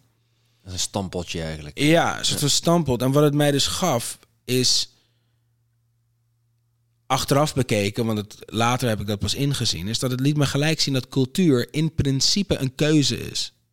Dus het is, maar als jij monocultureel opgroeit, ja, dat doen we altijd zo. Dat is hoe je je voelt. En overal is dat zo. Maar ik kreeg zo van, oké, je hebt het Amerikaanse exceptionalisme. Je hebt het vuur van, van, van Zuid-Amerikaanse cultuur. Uh, je hebt de rust en de ah, we zien het morgen wel, manana energy van het eiland. En je hebt dan een, dan een vleugje Hollandse soort van nuchterheid en dat soort. Dat was allemaal daar te vinden op dat eiland. Dus toen ik naar Nederland verhuisde, waar normaal al gek genoeg was en er dus voor driekwart van mijn per perspectief geen ruimte was. Achteraf bekeken zie ik in dat mij dat uh, het gevoel gaf dat ik niet helemaal kon ademen. En omdat mijn moeder eigenlijk haar best heeft gedaan om mij in een goed mogelijke scholen en in, in goede buurten en al die staf. En goed is eigenlijk een, een, een ander woord voor zo rijk mogelijk en, en zo welvarend mogelijk en zo. Wat inhield dat wij gewoon in een klein appartementje woonden in een wijk met alleen maar van die mansions. Uh, daardoor was ik uh, in ieder geval op dat punt de enige jongen van kleur op die hele school. Dus ik kreeg heel vaak de schuld van dingen. En uh, er was een bepaald soort algehele wantrouwen naar mij toe. En achteraf bekeken, ja, dacht ik, ja, holy shit, ik spreek drie meer talen dan jullie. Doe eens even leuk. Hoezo, snap ik bedoel? Doe nou niet alsof ik... Ik heb meer gezien dan jullie. Ik weet meer dan jullie. Ik kan zowel met jullie hangen als met al het andere. Doe gewoon aardig. Ik bedoel niet eens dat ik beter ben of zo, hè, maar ik heb zoiets van doe gewoon aardig. Maar ik kwam ook wel terecht in een, in een elitaire. Zeg maar, eerst, de eerste stad waar ik in kwam te wonen in Nederland was Leiden. En dat was best leuk. Dat was best wel meer een volksbuurt en dat was best, dat was best wel leuk. Maar papend na de scheiding van mijn ouders verhuisden wij naar Den Haag.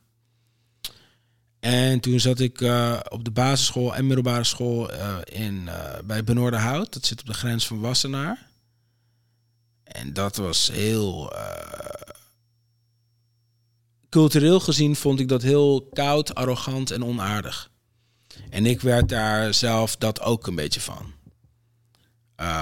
Maar dan wel met rancune, omdat er een bepaald soort vrolijkheid en gekkigheid en geestigheid en charme en vuur en passie en eigen gereidheid was die, die echt niet kon bestaan binnen, binnen die context. Dus wat je daar dan van krijgt is dat je... Ik ben in principe een performer geworden, omdat eigenlijk was het op papa zo dat alleen op het podium kon ik zijn wat ik eigenlijk ben.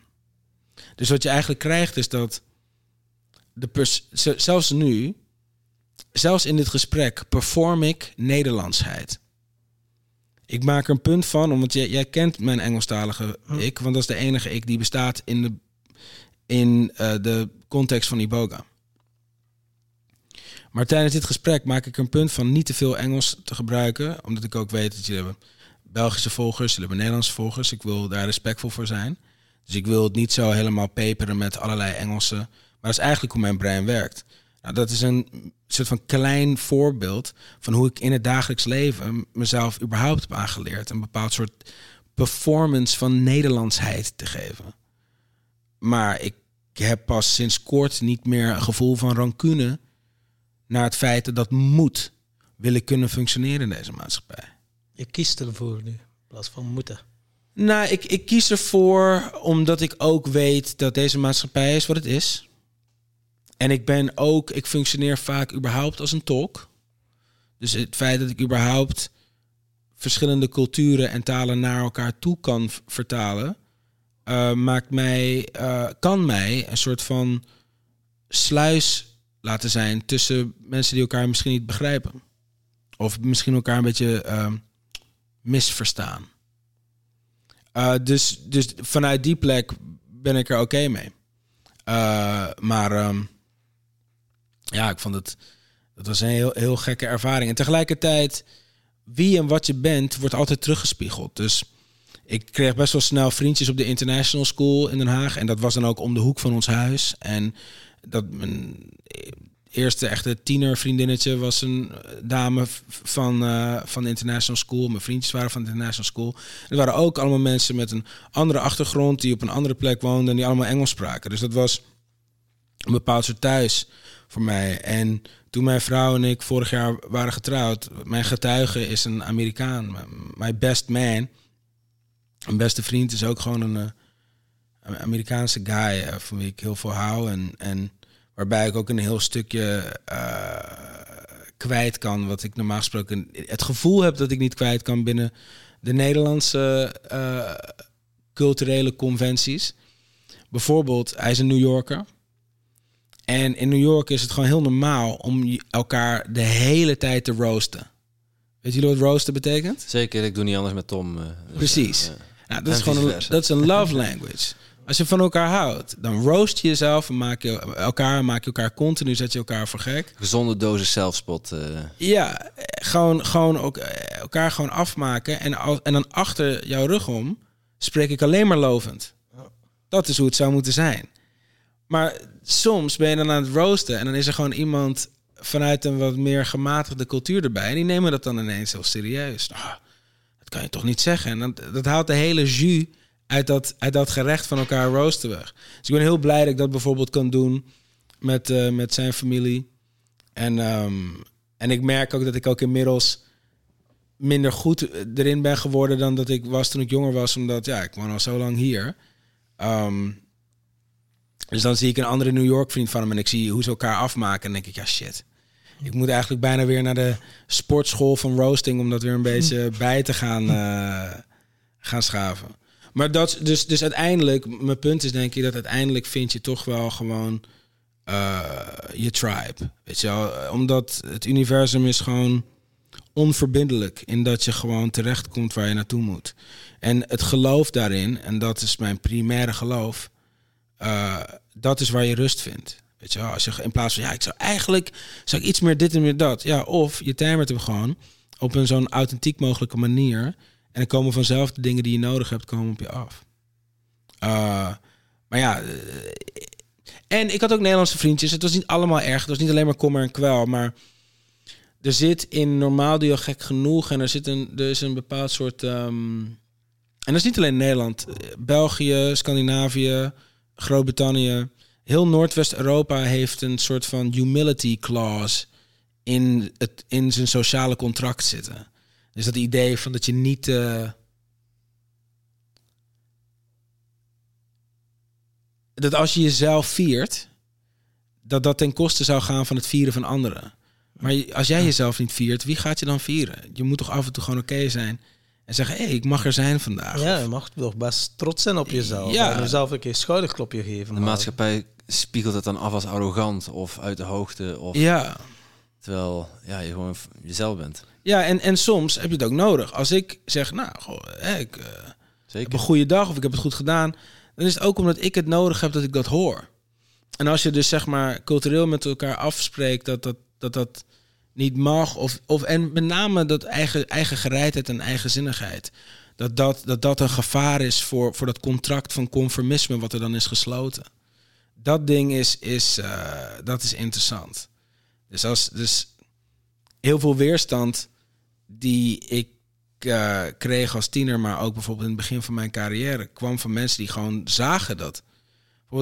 Bij een Amerikaans label tekenen in 2005 met hip-hop en jazz en soulmuziek, maar dan met een cello en klassieke arrangementen, Engelstalig uit Nederland, was fucking unheard of. Dus toen ik zei, ja, dat ga ik doen, zeiden mensen, nou, eh, ik ga je even vertellen hoe het eigenlijk in elkaar zit. Dat kan helemaal niet. En was er ook een consensus bij, niet, niet, de consensus, maar er waren een aantal mensen die dachten, ja, hij vindt zichzelf heel jotem. Nee, nee, nee, maar ik denk dat het belangrijk is dat je weet wie je bent, wat je bent en waarom je bent. En, en een cultuur van, van Calvinistisch eh, afgedwongen valse bescheidenheid, want dat is het erge. Het verlangt zo naar bescheidenheid dat het niet eens echte bescheidenheid hoeft te zijn. Het, het neemt meer dan genoeg, neemt meer dan genoegen met, eh, met valse bescheidenheid. En ik vind valse bescheidenheid het meest arrogante wat je kan doen. Het is namelijk. eh, het, eh, voor mij communiceert het dat je ervan uitgaat dat mensen je bullshit niet kunnen ruiken. Als je vals bescheiden bent. Terwijl als jij denkt dat je helemaal het einde bent, wees dat. En als je echt bescheiden bent, wees dat. Ehm, en, eh, maar het is everywhere. Het is bijvoorbeeld, je hebt zowel in Denemarken als in Zweden heb je een term die in de ene taal noemen ze het gender law en in de andere noemen ze het gender law of zo. Het een net iets andere uitspraak en net iets anders gezegd, maar en dat is beide gewoon de law of humility. En het is niet zo dat ik dat ik bescheidenheid niet prachtig vind. Maar laten we dan onderzoeken wat dat wat betekent dat bescheidenheid. En in mijn optiek is bescheidenheid dat je begrijpt dat er niks boven jou of onder jou is, maar dat je ook begrijpt dat jij uniek bent. Dat jij de belangrijkste persoon bent in jouw leven. Want Ja, Wie ben jij in jouw leven? Ja, dat is... eh, ja, 100%. En, en dat als iemand daarmee bezig is, dat dat niet arrogantie is, maar dat dat zelfredding is. De mensen die naar deze podcast luisteren, luisteren ernaar omdat ze gewoon, denk ik, verlangen naar, naar, naar spiegeling en naar oplossingen en naar inleidingen naar verlichting. Een beetje joy, een beetje swag, een beetje jus op het gerecht. Moet niet allemaal zo hoekig zijn. Af en toe moet er af en toe een beetje een ronding in zitten. Anders wordt het allemaal gewoon te hoekig. Anders is het allemaal te... voorgeprogrammeerd en het wordt al kant en klaar. Hier heb het. Nee, je gaat zelf op onderzoek en ja, uit de ervaringen van anderen kunnen er interessante dingen zitten. Van wow, 100%. dat bestaat ook. Wauw. 100%. Ja, ik weet, niet, ik weet niet in hoeverre mensen wat hebben aan wat ik hier te zeggen heb hoor. Ik ben gewoon best wel hard op aan het nadenken. Ik was, eh, zeg maar, jullie kwamen eens binnen en dacht ik, oh ja, die podcast inderdaad. Dus ik was ook helemaal echt zo bezig met iets voor, voor, voor mijn muziek en zo. Dus ik ben, ik ben, we zijn gewoon gelijk gaan lullen. Ik, ik hoop dat, het, dat, het, dat, Ja. dat mensen er wat aan hebben. Hopen wij ook. Ja, anders zijn jullie heel snel out of a business. Zeg zo, we hadden een f- echt een thriving podcast. Het ging echt lekker. En toen we Piet op bezoek en toen ging het helemaal fucking mis. Ja, Ja, dat is de eerste keer dat wij 20 vragen voorbereid hebben. Krijgen niet eens een kans om ze te stellen, joh. is wel waar, is wel waar. Het is, eh, is veel bandbreedte hier. We hadden, Maar- we hadden wel een paar vragen voorbereid. Dus misschien Ja, moeten we die wel stellen. Please, let's, let's do it. Eh, ja, onze podcast gaat over geluk en succes namelijk. Mhm. En we zijn benieuwd, wat is jouw definitie van geluk? Nou, mijn definitie van geluk is hetzelfde als mijn definitie van succes. Ehm, als ik spreek in, over succesvolle mensen, heb ik het over gelukkige mensen. En ehm, mijn definitie ervan is, is ehm, dat je connected bent. Je, dat je, een, dat je een rijk sociaal leven hebt. Eentje die divers is en inspirerend en, en, en, en, en, en rijk in, in de heterogeniteit en de diversiteit en, de, en, en, en, ehm, en het support wat daarin zit. Ehm, en dat al dat jou bijstaat in uitvoeren wat jij specifiek in dit leven hebt om uit te voeren. En dat wat jij doet om uit te voeren, dat, dat je dat niet laat hinderen door dan wel intern je ego, dan wel extern andermans ego. Dat is voor mij geluk en succes. Dat je dus een purpose hebt die je aan het uitvogelen bent. En dat de mensen in je leven om je heen die purpose bijstaan. Doordat ze de juiste mensen kennen voor dat ene, die ene klus die je probeert te doen. Of, of eh, de juiste kennis hebben om ervoor te zorgen dat je die purpose goed kan uitvoeren. Maar dat is voor mij geluk en succes. En, en succes is, eh, denk ik ook gewoon, hoeveel je schatert op een dag. Hm. Weet je wel? En dan jouw purpose. Ben je er al uit wat dat jouw purpose is? Wat is jouw diepste verlangen? Wat wil jij nog in de wereld zetten? Nou, je hebt nog wel enige jaartjes te gaan. Ja. Ehm, ik denk dat. Ik, heb, ik ben ruimte aan het maken ervoor. Voor wat het, wat het ding is wat ik wil gaan toevoegen. Eh, en dan heb ik het vooral over als maker of als communicator of zo. Ehm, maar ja, als ik ben eh, een aanstaande vader. eh, van mijn eerste kind deze zomer. En dus op dit moment zijn mijn pijlen heel erg gericht op, op een hilarische, supportive, creatieve, compleet verliefd op haar moeder, vader te zijn van mijn aanstaande dochter. Dat is denk ik mijn, eh, op dit moment, die over voor de komende ahem, rest van mijn leven. Een purpose die erbij komt nu, die ik heel lang heb afgehouden, omdat ik dit onderzoek heb, heb, heb mogen doen en willen doen. En, en ik daarin door het universum ben gespaard in a way van, van ouderschap aangaan voordat ik een aantal trauma's en traumatische verhaallijnen van mijn familie heb kunnen cleanen. Maar ik denk dat dat, dat is wel, dat is wel nu de purpose. Dat ik wil dat, dat eh, ik wil dat mijn dochter twee ouders heeft, en dat heeft ze denk ik. Want dat krijgt ze denk ik. Die gewoon verliefd zijn op hun eigen leven. En verliefd zijn op elkaar, verliefd zijn op haar. Eh, eh, mijn ouders waren niet helemaal happy. Of eigenlijk waren helemaal niet happy, zou ik eigenlijk moeten zeggen. Terwijl het ontzettend angstaanjagend getalenteerde mensen waren. Mijn beide ouders. Ongelooflijk getalenteerd. Op zoveel vlakken ook. Echt irritant. Ik durf niet zeggen... Ik bedoel, ik ben best multifaceted, zeg maar. Maar ik ben... Als ik nadenk over mijn vader die architect, ingenieur was... Vliegtuigen vloog... eh, schilder was, gitarist, eh, negen talen sprak... Supergoed in wiskunde, goed- goed- supergoed in communiceren. eh, supergoed in dansen, heel charmant. Gewoon dat, dan denk ik, jeetje, dat is, Wauw. dat is Ja. echt impressive. Maar hij heeft dit leven geleid nooit echt gelovende dat hij waardig was van liefde.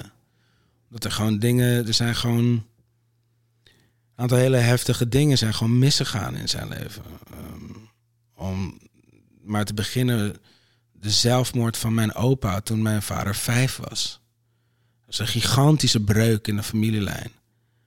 Die ik geloof ik met dit eh, werk wat ik de afgelopen, nou, we hebben het over, negen jaar of zo heb gedaan. Heb ik daar best wel veel van kunnen opschonen. Zodat ik mijn dochter een pa kan geven die niet alleen van haar houdt, maar ook van zichzelf. En ook van het leven dat hij leidt. Het allerbelangrijkste, van haar moeder. Dus dat is nu mijn purpose. Maar ja, ideeën. Ik, ik verzuip in de ideeën. Ik heb best wel veel leuke dingen ook waar ik aan het werk aan ben. Dus uh, bepaalde performance art en bepaalde soort van manieren van uh, artistieke, creatieve producties neerzetten. En bepaalde businesses en, en um, bepaalde platforms en zo. En weet je wel, ik, ja, maar ik ben, ik ben gewoon een beetje aan het. Ik kan me voorstellen dat vaderschap een soort van start zijn gaat geven aan. Oké, genoeg met gewoon die navelstaarderij en een beetje zo in die esoterische wolk blijven hangen. Kies. Je hebt geen idee wat je te wachten staat, hè? Ik hoor het. ja, het is... Het is uh, ik spreek ja. uit ervaring, hè? Dus, uh, ja. Nou ja, het is, het is... Kijk, ik bedoel... Ik weet alleen de symptomen. Dus het is het, het is een, je krijgt iets in je leven waar je nog nooit zoveel van hebt gehouden als wat dan ook in de wereld. Tegelijkertijd gaat het ja, gepaard met ja. ontzettende doodangst uh, omdat, ja, dat is super fragiel allemaal. Dus je denkt, oh shit, oh shit. Weet je, uh, die vriend van mij zegt, for the first five years you're just on suicide watch.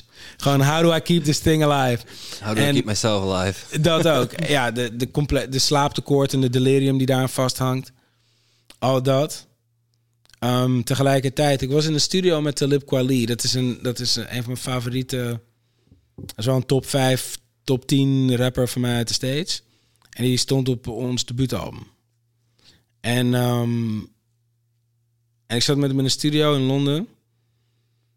En uh, papa vertelde me dat hij eigenlijk dat hij het moment dat hij zijn dat zijn uh, dochter ook volgens mij was zijn zoon. Ieder geval zijn eerste kind geboren werd. Ik geloof dat hij twee maanden daarna bracht hij zijn gezondheid. Uh, bracht hij zijn eerste LP uit. Gewoon van oké, nu ga ik echt, want daarvoor was hij aan het studeren en alle andere dingen doen. Zei nee, ik ga echt hiervoor. Um, en ik heb mede door Lime en door alles ben ik gewoon een beetje ja, gewoon gaan dobberen. Uh, heb ik mezelf, als je zeg maar zes jaar op bed ligt met al je ideeën, raak je gewend aan het niet hoeven uitvoeren en niet kunnen uitvoeren van ideeën. Uh, dus ik heb op een bepaald punt als een, als een soort van survival mechanisme heb ik mijn eigen ideeën niet meer zo serieus genomen, uh, serieus genomen, zodat ik niet in een permanente depressie begaf dat ik het niet kon uitvoeren. En nu ben ik eigenlijk, nu al een paar jaar ben ik dat aan het afleren. Dat ik dat gevoel wat ik normaal gesproken heb van oké, ik wil dit doen, dan bel ik die, dan doe ik dat, dan gaan we het zo doen, dat doen we dan en dan. Dat is een beetje weg bij mij. Omdat ik gewoon forever op bed lag en ik toch nog heb kunnen surviven. Omdat ik gewoon impact heb gemaakt in het verleden. Maar met een kind is dat dobberen is gewoon niet een fucking optie. Dus ik ben nu extra aan het dobberen. Dat is ook de reden dat jullie langs kunnen komen. En ik I'm fucking off een bandje tasks nu, weet je. Ik moet een paar dingen doen. Denk, fuck it, ik ga gewoon een podcast en een beetje timeren. Uh, dat, en ik geniet ervan. Bijvoorbeeld als ik nu een wandeling doe, wanneer ik zin heb, zomaar, geniet ik van die wandeling. Over twee maanden is die shit fucking klaar. Ja. Dus, dus ik ben... Nou, je kunt nog steeds genieten van een wandeling, hoor. Dat wel. Maar dan gebruiken die wandeling als vlucht om even thuis weg te zijn. Ja, 100%. maar vertel, want jij zit er nu 14 weken in, toch? Ja, ja. Hoe is het voor je? Uh, het, is, het is fantastisch en het is verschrikkelijk tegelijk. Wat maakt het fantastisch en wat maakt het verschrikkelijk? Uh, wat het fantastisch maakt, is ja, het nieuwe leven. Het is echt letterlijk een nieuw leven. Je ziet dat iedere week zie je dat veranderen. En eh, ik ben er iedere dag bij.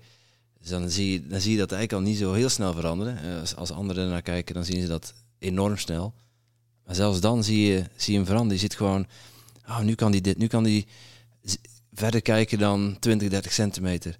En nu kan hij, eh, nu kan hij je volgen met zijn ogen. En nu begint hij te lachen. En nu reageert hij als ik, als ik hem uit zijn bedje haal, dan, dan zie je zo'n lach op zijn gezicht verschijnen. Ja, dat soort momentjes, dat is echt genieten. Echt genieten. Wat niet genieten is, is ja, het eerste moment, die, zwangerschap is al een rollercoaster op zich. Tegen, vooral tegen het einde aan. En als, als die kleine dan komt en ze, ze- gooien dat hoopje geluk in je armen. Ja, je, je hebt nog geen idee wat er gebeurd is. En dan, ja, dan begint het, hè. Krijg je allemaal adviezen van links en van rechts. En er is er geen één die klopt. Want ja, je moet toch je eigen waarheid doen. Ja, Vooral niet luisteren naar andere mensen. Want ja, ieder kind is uniek. ja. En ja, je voelt je ook wel ergens onzeker hoor. En vooral in de beginperiode is het, het is zo fragiel, het is zo kwetsbaar dat je gewoon denkt dat je iets verkeerd doet en dan is het aan het huilen, dan krijg je niet, dan krijg je niet stil. Ja, je, je komt jezelf tegen, het is echt een spiegel. En, en de gebroken nachten beginnen ook te wegen, ja. Ja, het is, het is Ja, dat- interesting. Het hoort erbij en het gaat wel beter, maar als je er middenin zit, het is geen pretje, dat kan ik je beloven. Ja, het is, het, ik, wat ik wel mooi eraan vind, is, is dat gegeven dat whatever swag ik heb opgebouwd in de jaren van, weet je, een beetje eh, rockstar life en al die stuff en, eh, en applaus en zo. Het wordt gewoon compleet met een moker gewoon kapot gemaakt. Op het moment dat een kind is, van dan kom je erachter hoe incapabel je eigenlijk bent. Ja. En ik moet zeggen dat ik dat best wel uitnodig. Als je het hebt over bescheidenheid, echte bescheidenheid, dat is bescheidenheid. Dus je denkt, holy shit. Ik zag een keer een interview met Will Smith en toen zei hij van, ehm, toen hij zijn eerste zoon kreeg. En ze gingen met die zoon naar huis. En dat het enige wat ik kon denken is, there's no way dat ik dit goed ga doen. Ik, dit, ik, I'm not the guy.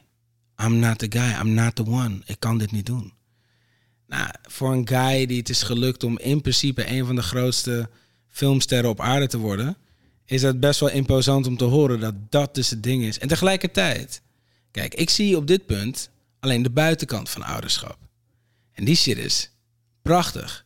Want iedereen die ik ken die een ouder is geworden, is objectief mooier, empathischer, geduldiger, meer gegrond, rijker geworden als mens. Maar dat is hetzelfde als dat zeven jaar bed liggen met al je ideeën en de wereld haten. Ja, daar word je dus ook rijker van. But when you're doing it, it fucking sucks. En dat is natuurlijk het ding. Is dat alles wat ons mooier maakt, ook zo'n Iboga-ceremonie, ook ouderschap, is gewoon een ass-kicking of epic proportions. Dus daar moet je soort van... Dus aan de buitenkant denk je, ja, dat is echt een mooie vent geworden. En dan denk je, ja, slapeloze fucking nachten... en proberen mijn kind niet te frisbeeën uit het raam. Weet je wel, het is die shit.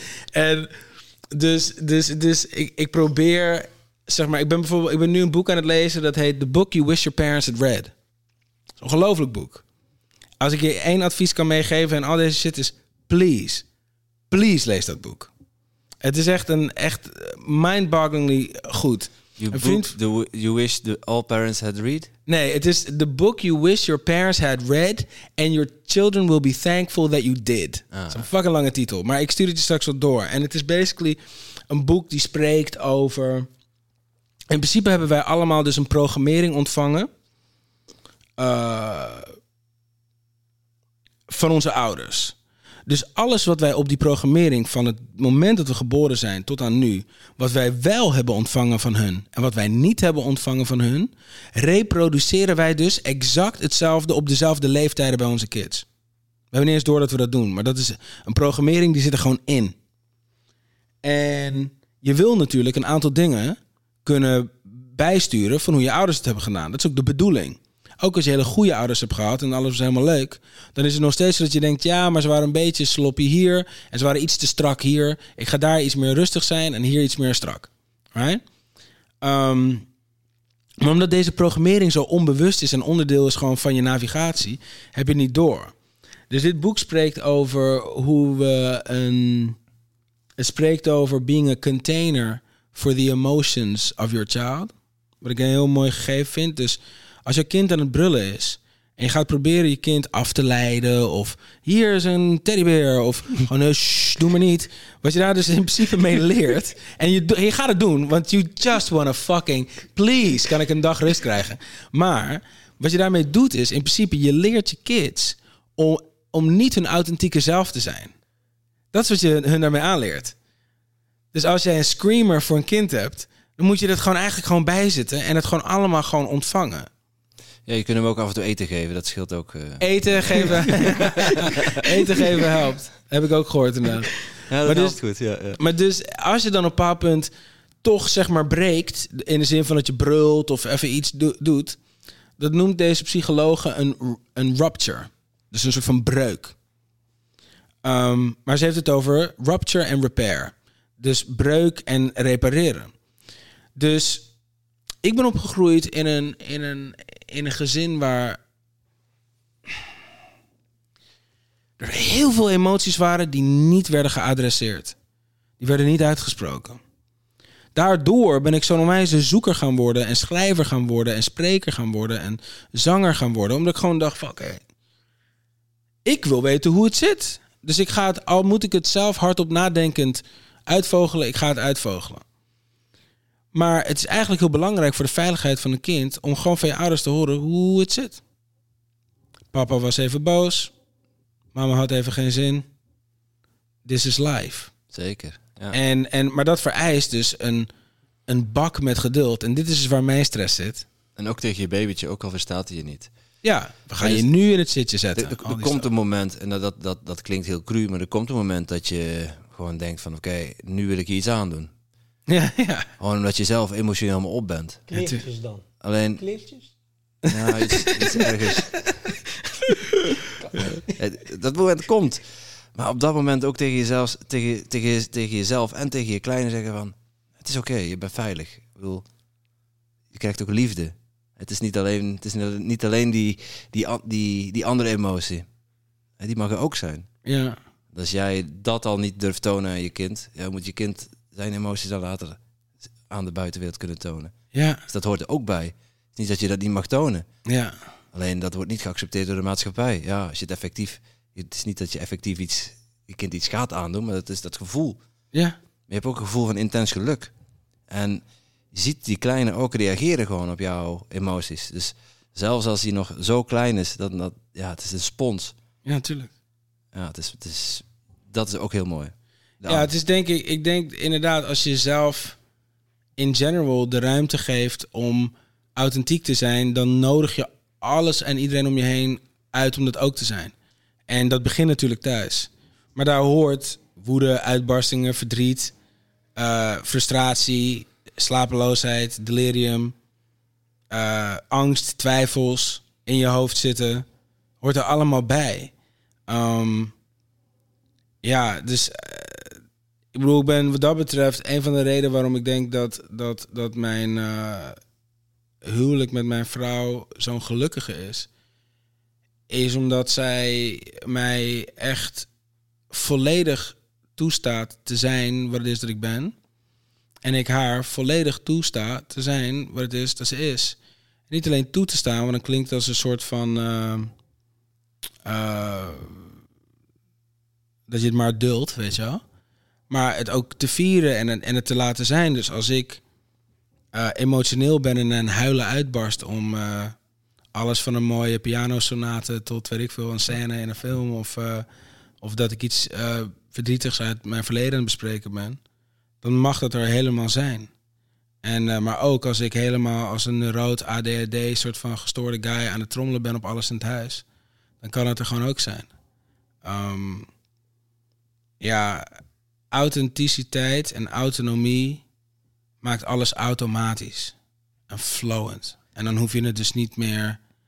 Dus ik hoop heel erg dat ik dat kan, kan, kan, kan doen voor mijn kids. Maar ja, geduld heb ik heel weinig van. Dus het wordt, gaat een wijze uitdaging worden. Ik ben een decennium verloren aan mijn ongeduld.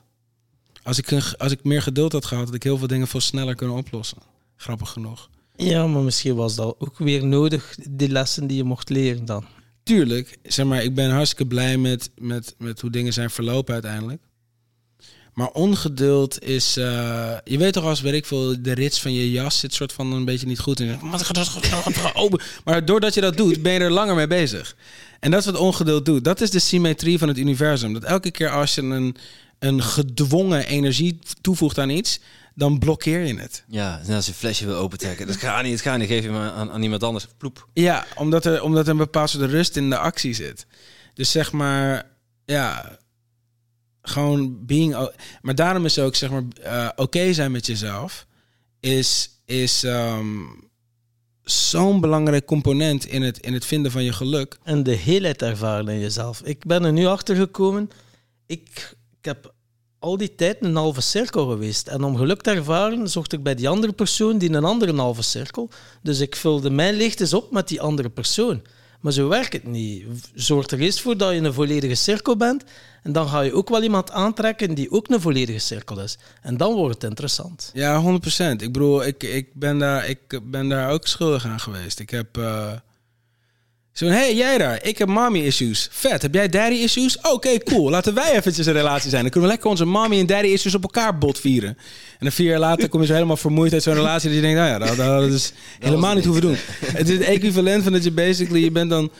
Je bent gewoon zo twee, twee soort van zwakzinnigen... in een soort van roeibootje... allebei met de pedal aan de rechterkant... zo aan het roeien in rondjes... en dan denken dat je ergens naartoe aan het gaan bent. Zo, waar, gaan we heen, Peppy? Ja, nergens. Roeien. Je gaat helemaal nergens naartoe. Want je, weet, want je hebt iemand die links moet pellen en iemand die rechts moet pellen. Anders ga je gewoon helemaal nergens naartoe. En het is echt dat. Dat je denkt, oké.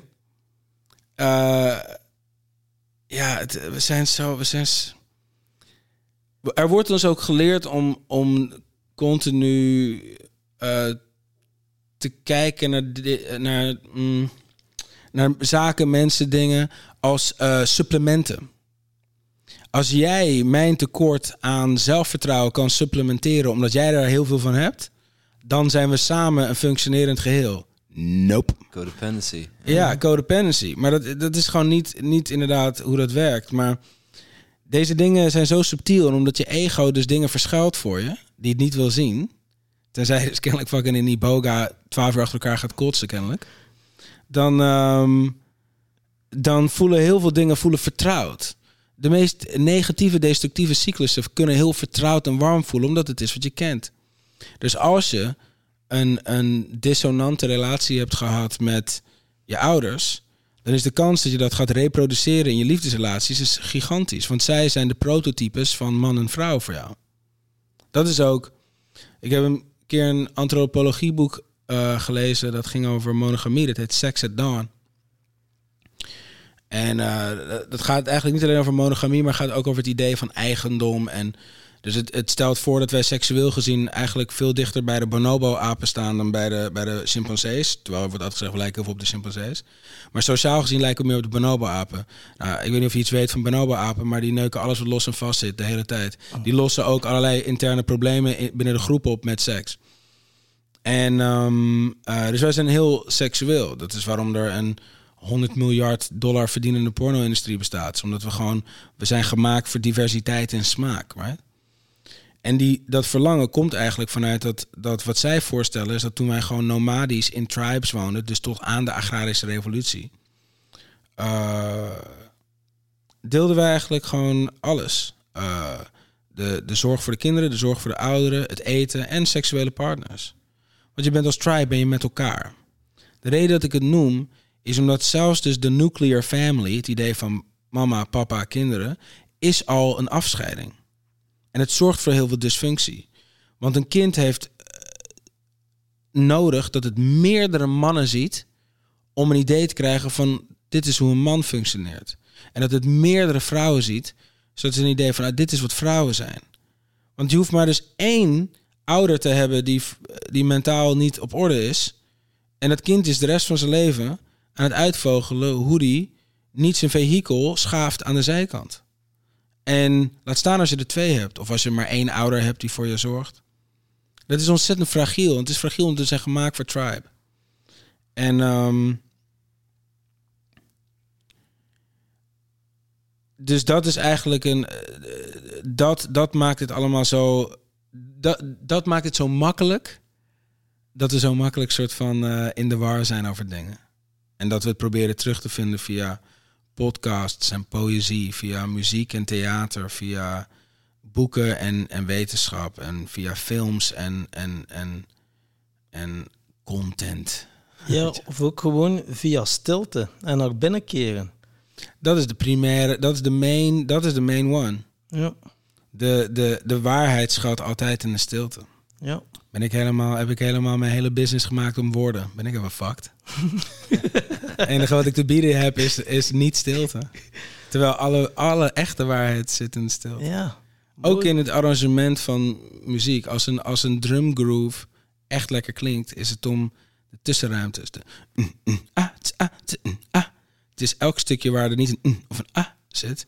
Die tussenruimtes, dat, is, dat geeft die juice. Ook als je een, mooi, mooie schilderij of een mooie foto ziet en het werkt, is het de tussenruimte die ervoor zorgt dat die compositie werkt. En dat is eigenlijk ook hoe het leven werkt. Dat zeg maar gewoon wanneer je ja, gelukkig ben ik in de stilte zit heel veel waarheid. En dan als iemand spreekt, kan je het hopelijk er wat van delen. En dat is natuurlijk wat dit is. Ehm, en ik ben over het algemeen ook heel veel, eh, best wel veel stil hoor. Daarom als je me tegenkomt, heb ik zoveel nood op mijn zang. Valt me wel op, ja, dat je Ja. even stil bent. Ja. En je moet het echt uit me trekken. Oké, ik zie dat we zes uur gepasseerd zijn. Holy ja. smokes. Ja, Gaat snel man. Ja, we gingen, we gingen niet te lang trekken. Dus dan gaan we ook afronden. Eh, jij mag nog een vraag bedenken voor de, voor, voor de volgende gast. Ah, en die moet ik ook nu stellen. Die moet je nu stellen. of binnen een halve minuut, mag ook.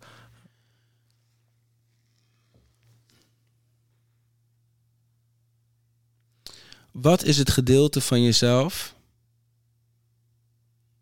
waar je moeite mee hebt om naar te kijken?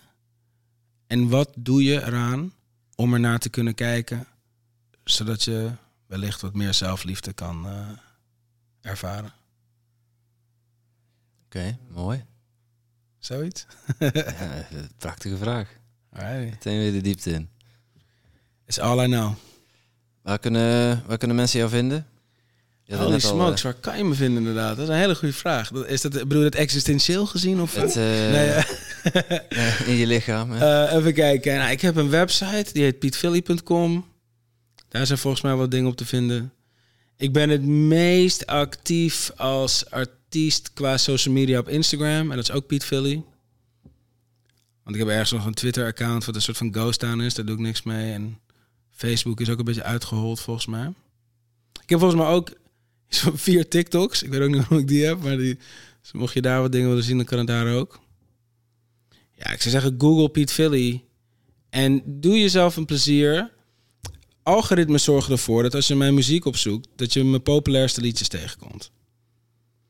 Maar als je nou eerst de Lift EP gaat luisteren. En je vindt dat tof. En je checkt daarna het Open Loops album. En vindt dat tof. Check daarna de Piet Philly Perquisite platen waar het mee is begonnen. Want... eh, ja, eh, ik, het zou een leukere entry point kunnen zijn. In plaats van dat je zo via weet je, Spotify of zo bij de. Oh, dit is een populairste liedje. En dan, oh ja. Maar goed, dus, dus als je iets van mij wil horen, muzikaal gezien, is, het, is, het, is de Lift EP een leuk. Begin bij de lift. Ja, ja. En, ehm, en voor de rest, ja, zoals jullie het hebben gehoord, ik ben nog aan het uitzoeken hoe ik jullie straks eh, ga bombarderen met mijn eh, liefde, basically. Maar eh, ik denk dat pietphilly.com en pietphilly kanalen zijn een goede manier om achter te komen waar ik dat doe. En voor de rest heb ik niet bijster veel te verkopen op dit moment. Oké, en misschien nog een uitsmijter, een quote om mee te eindigen, die toch wel... eh, Nothing we do is important, but it's important that we do it. Mooi. Dankjewel, Piet. Dankjewel, Piet. Graag gedaan. En jij natuurlijk ook super bedankt om te luisteren naar deze podcast. Voel jij je geïnspireerd? Je zou ons een enorm plezier doen door ons 5 sterren te geven of een review achter te laten in jouw favoriete podcast-app. En wil je geen enkel inspiratiemoment missen? Abonneer je dan op onze podcast of volg ons op social media at Tim Podcast. Oké, dan moet je weer terug aan de Tom. Hè?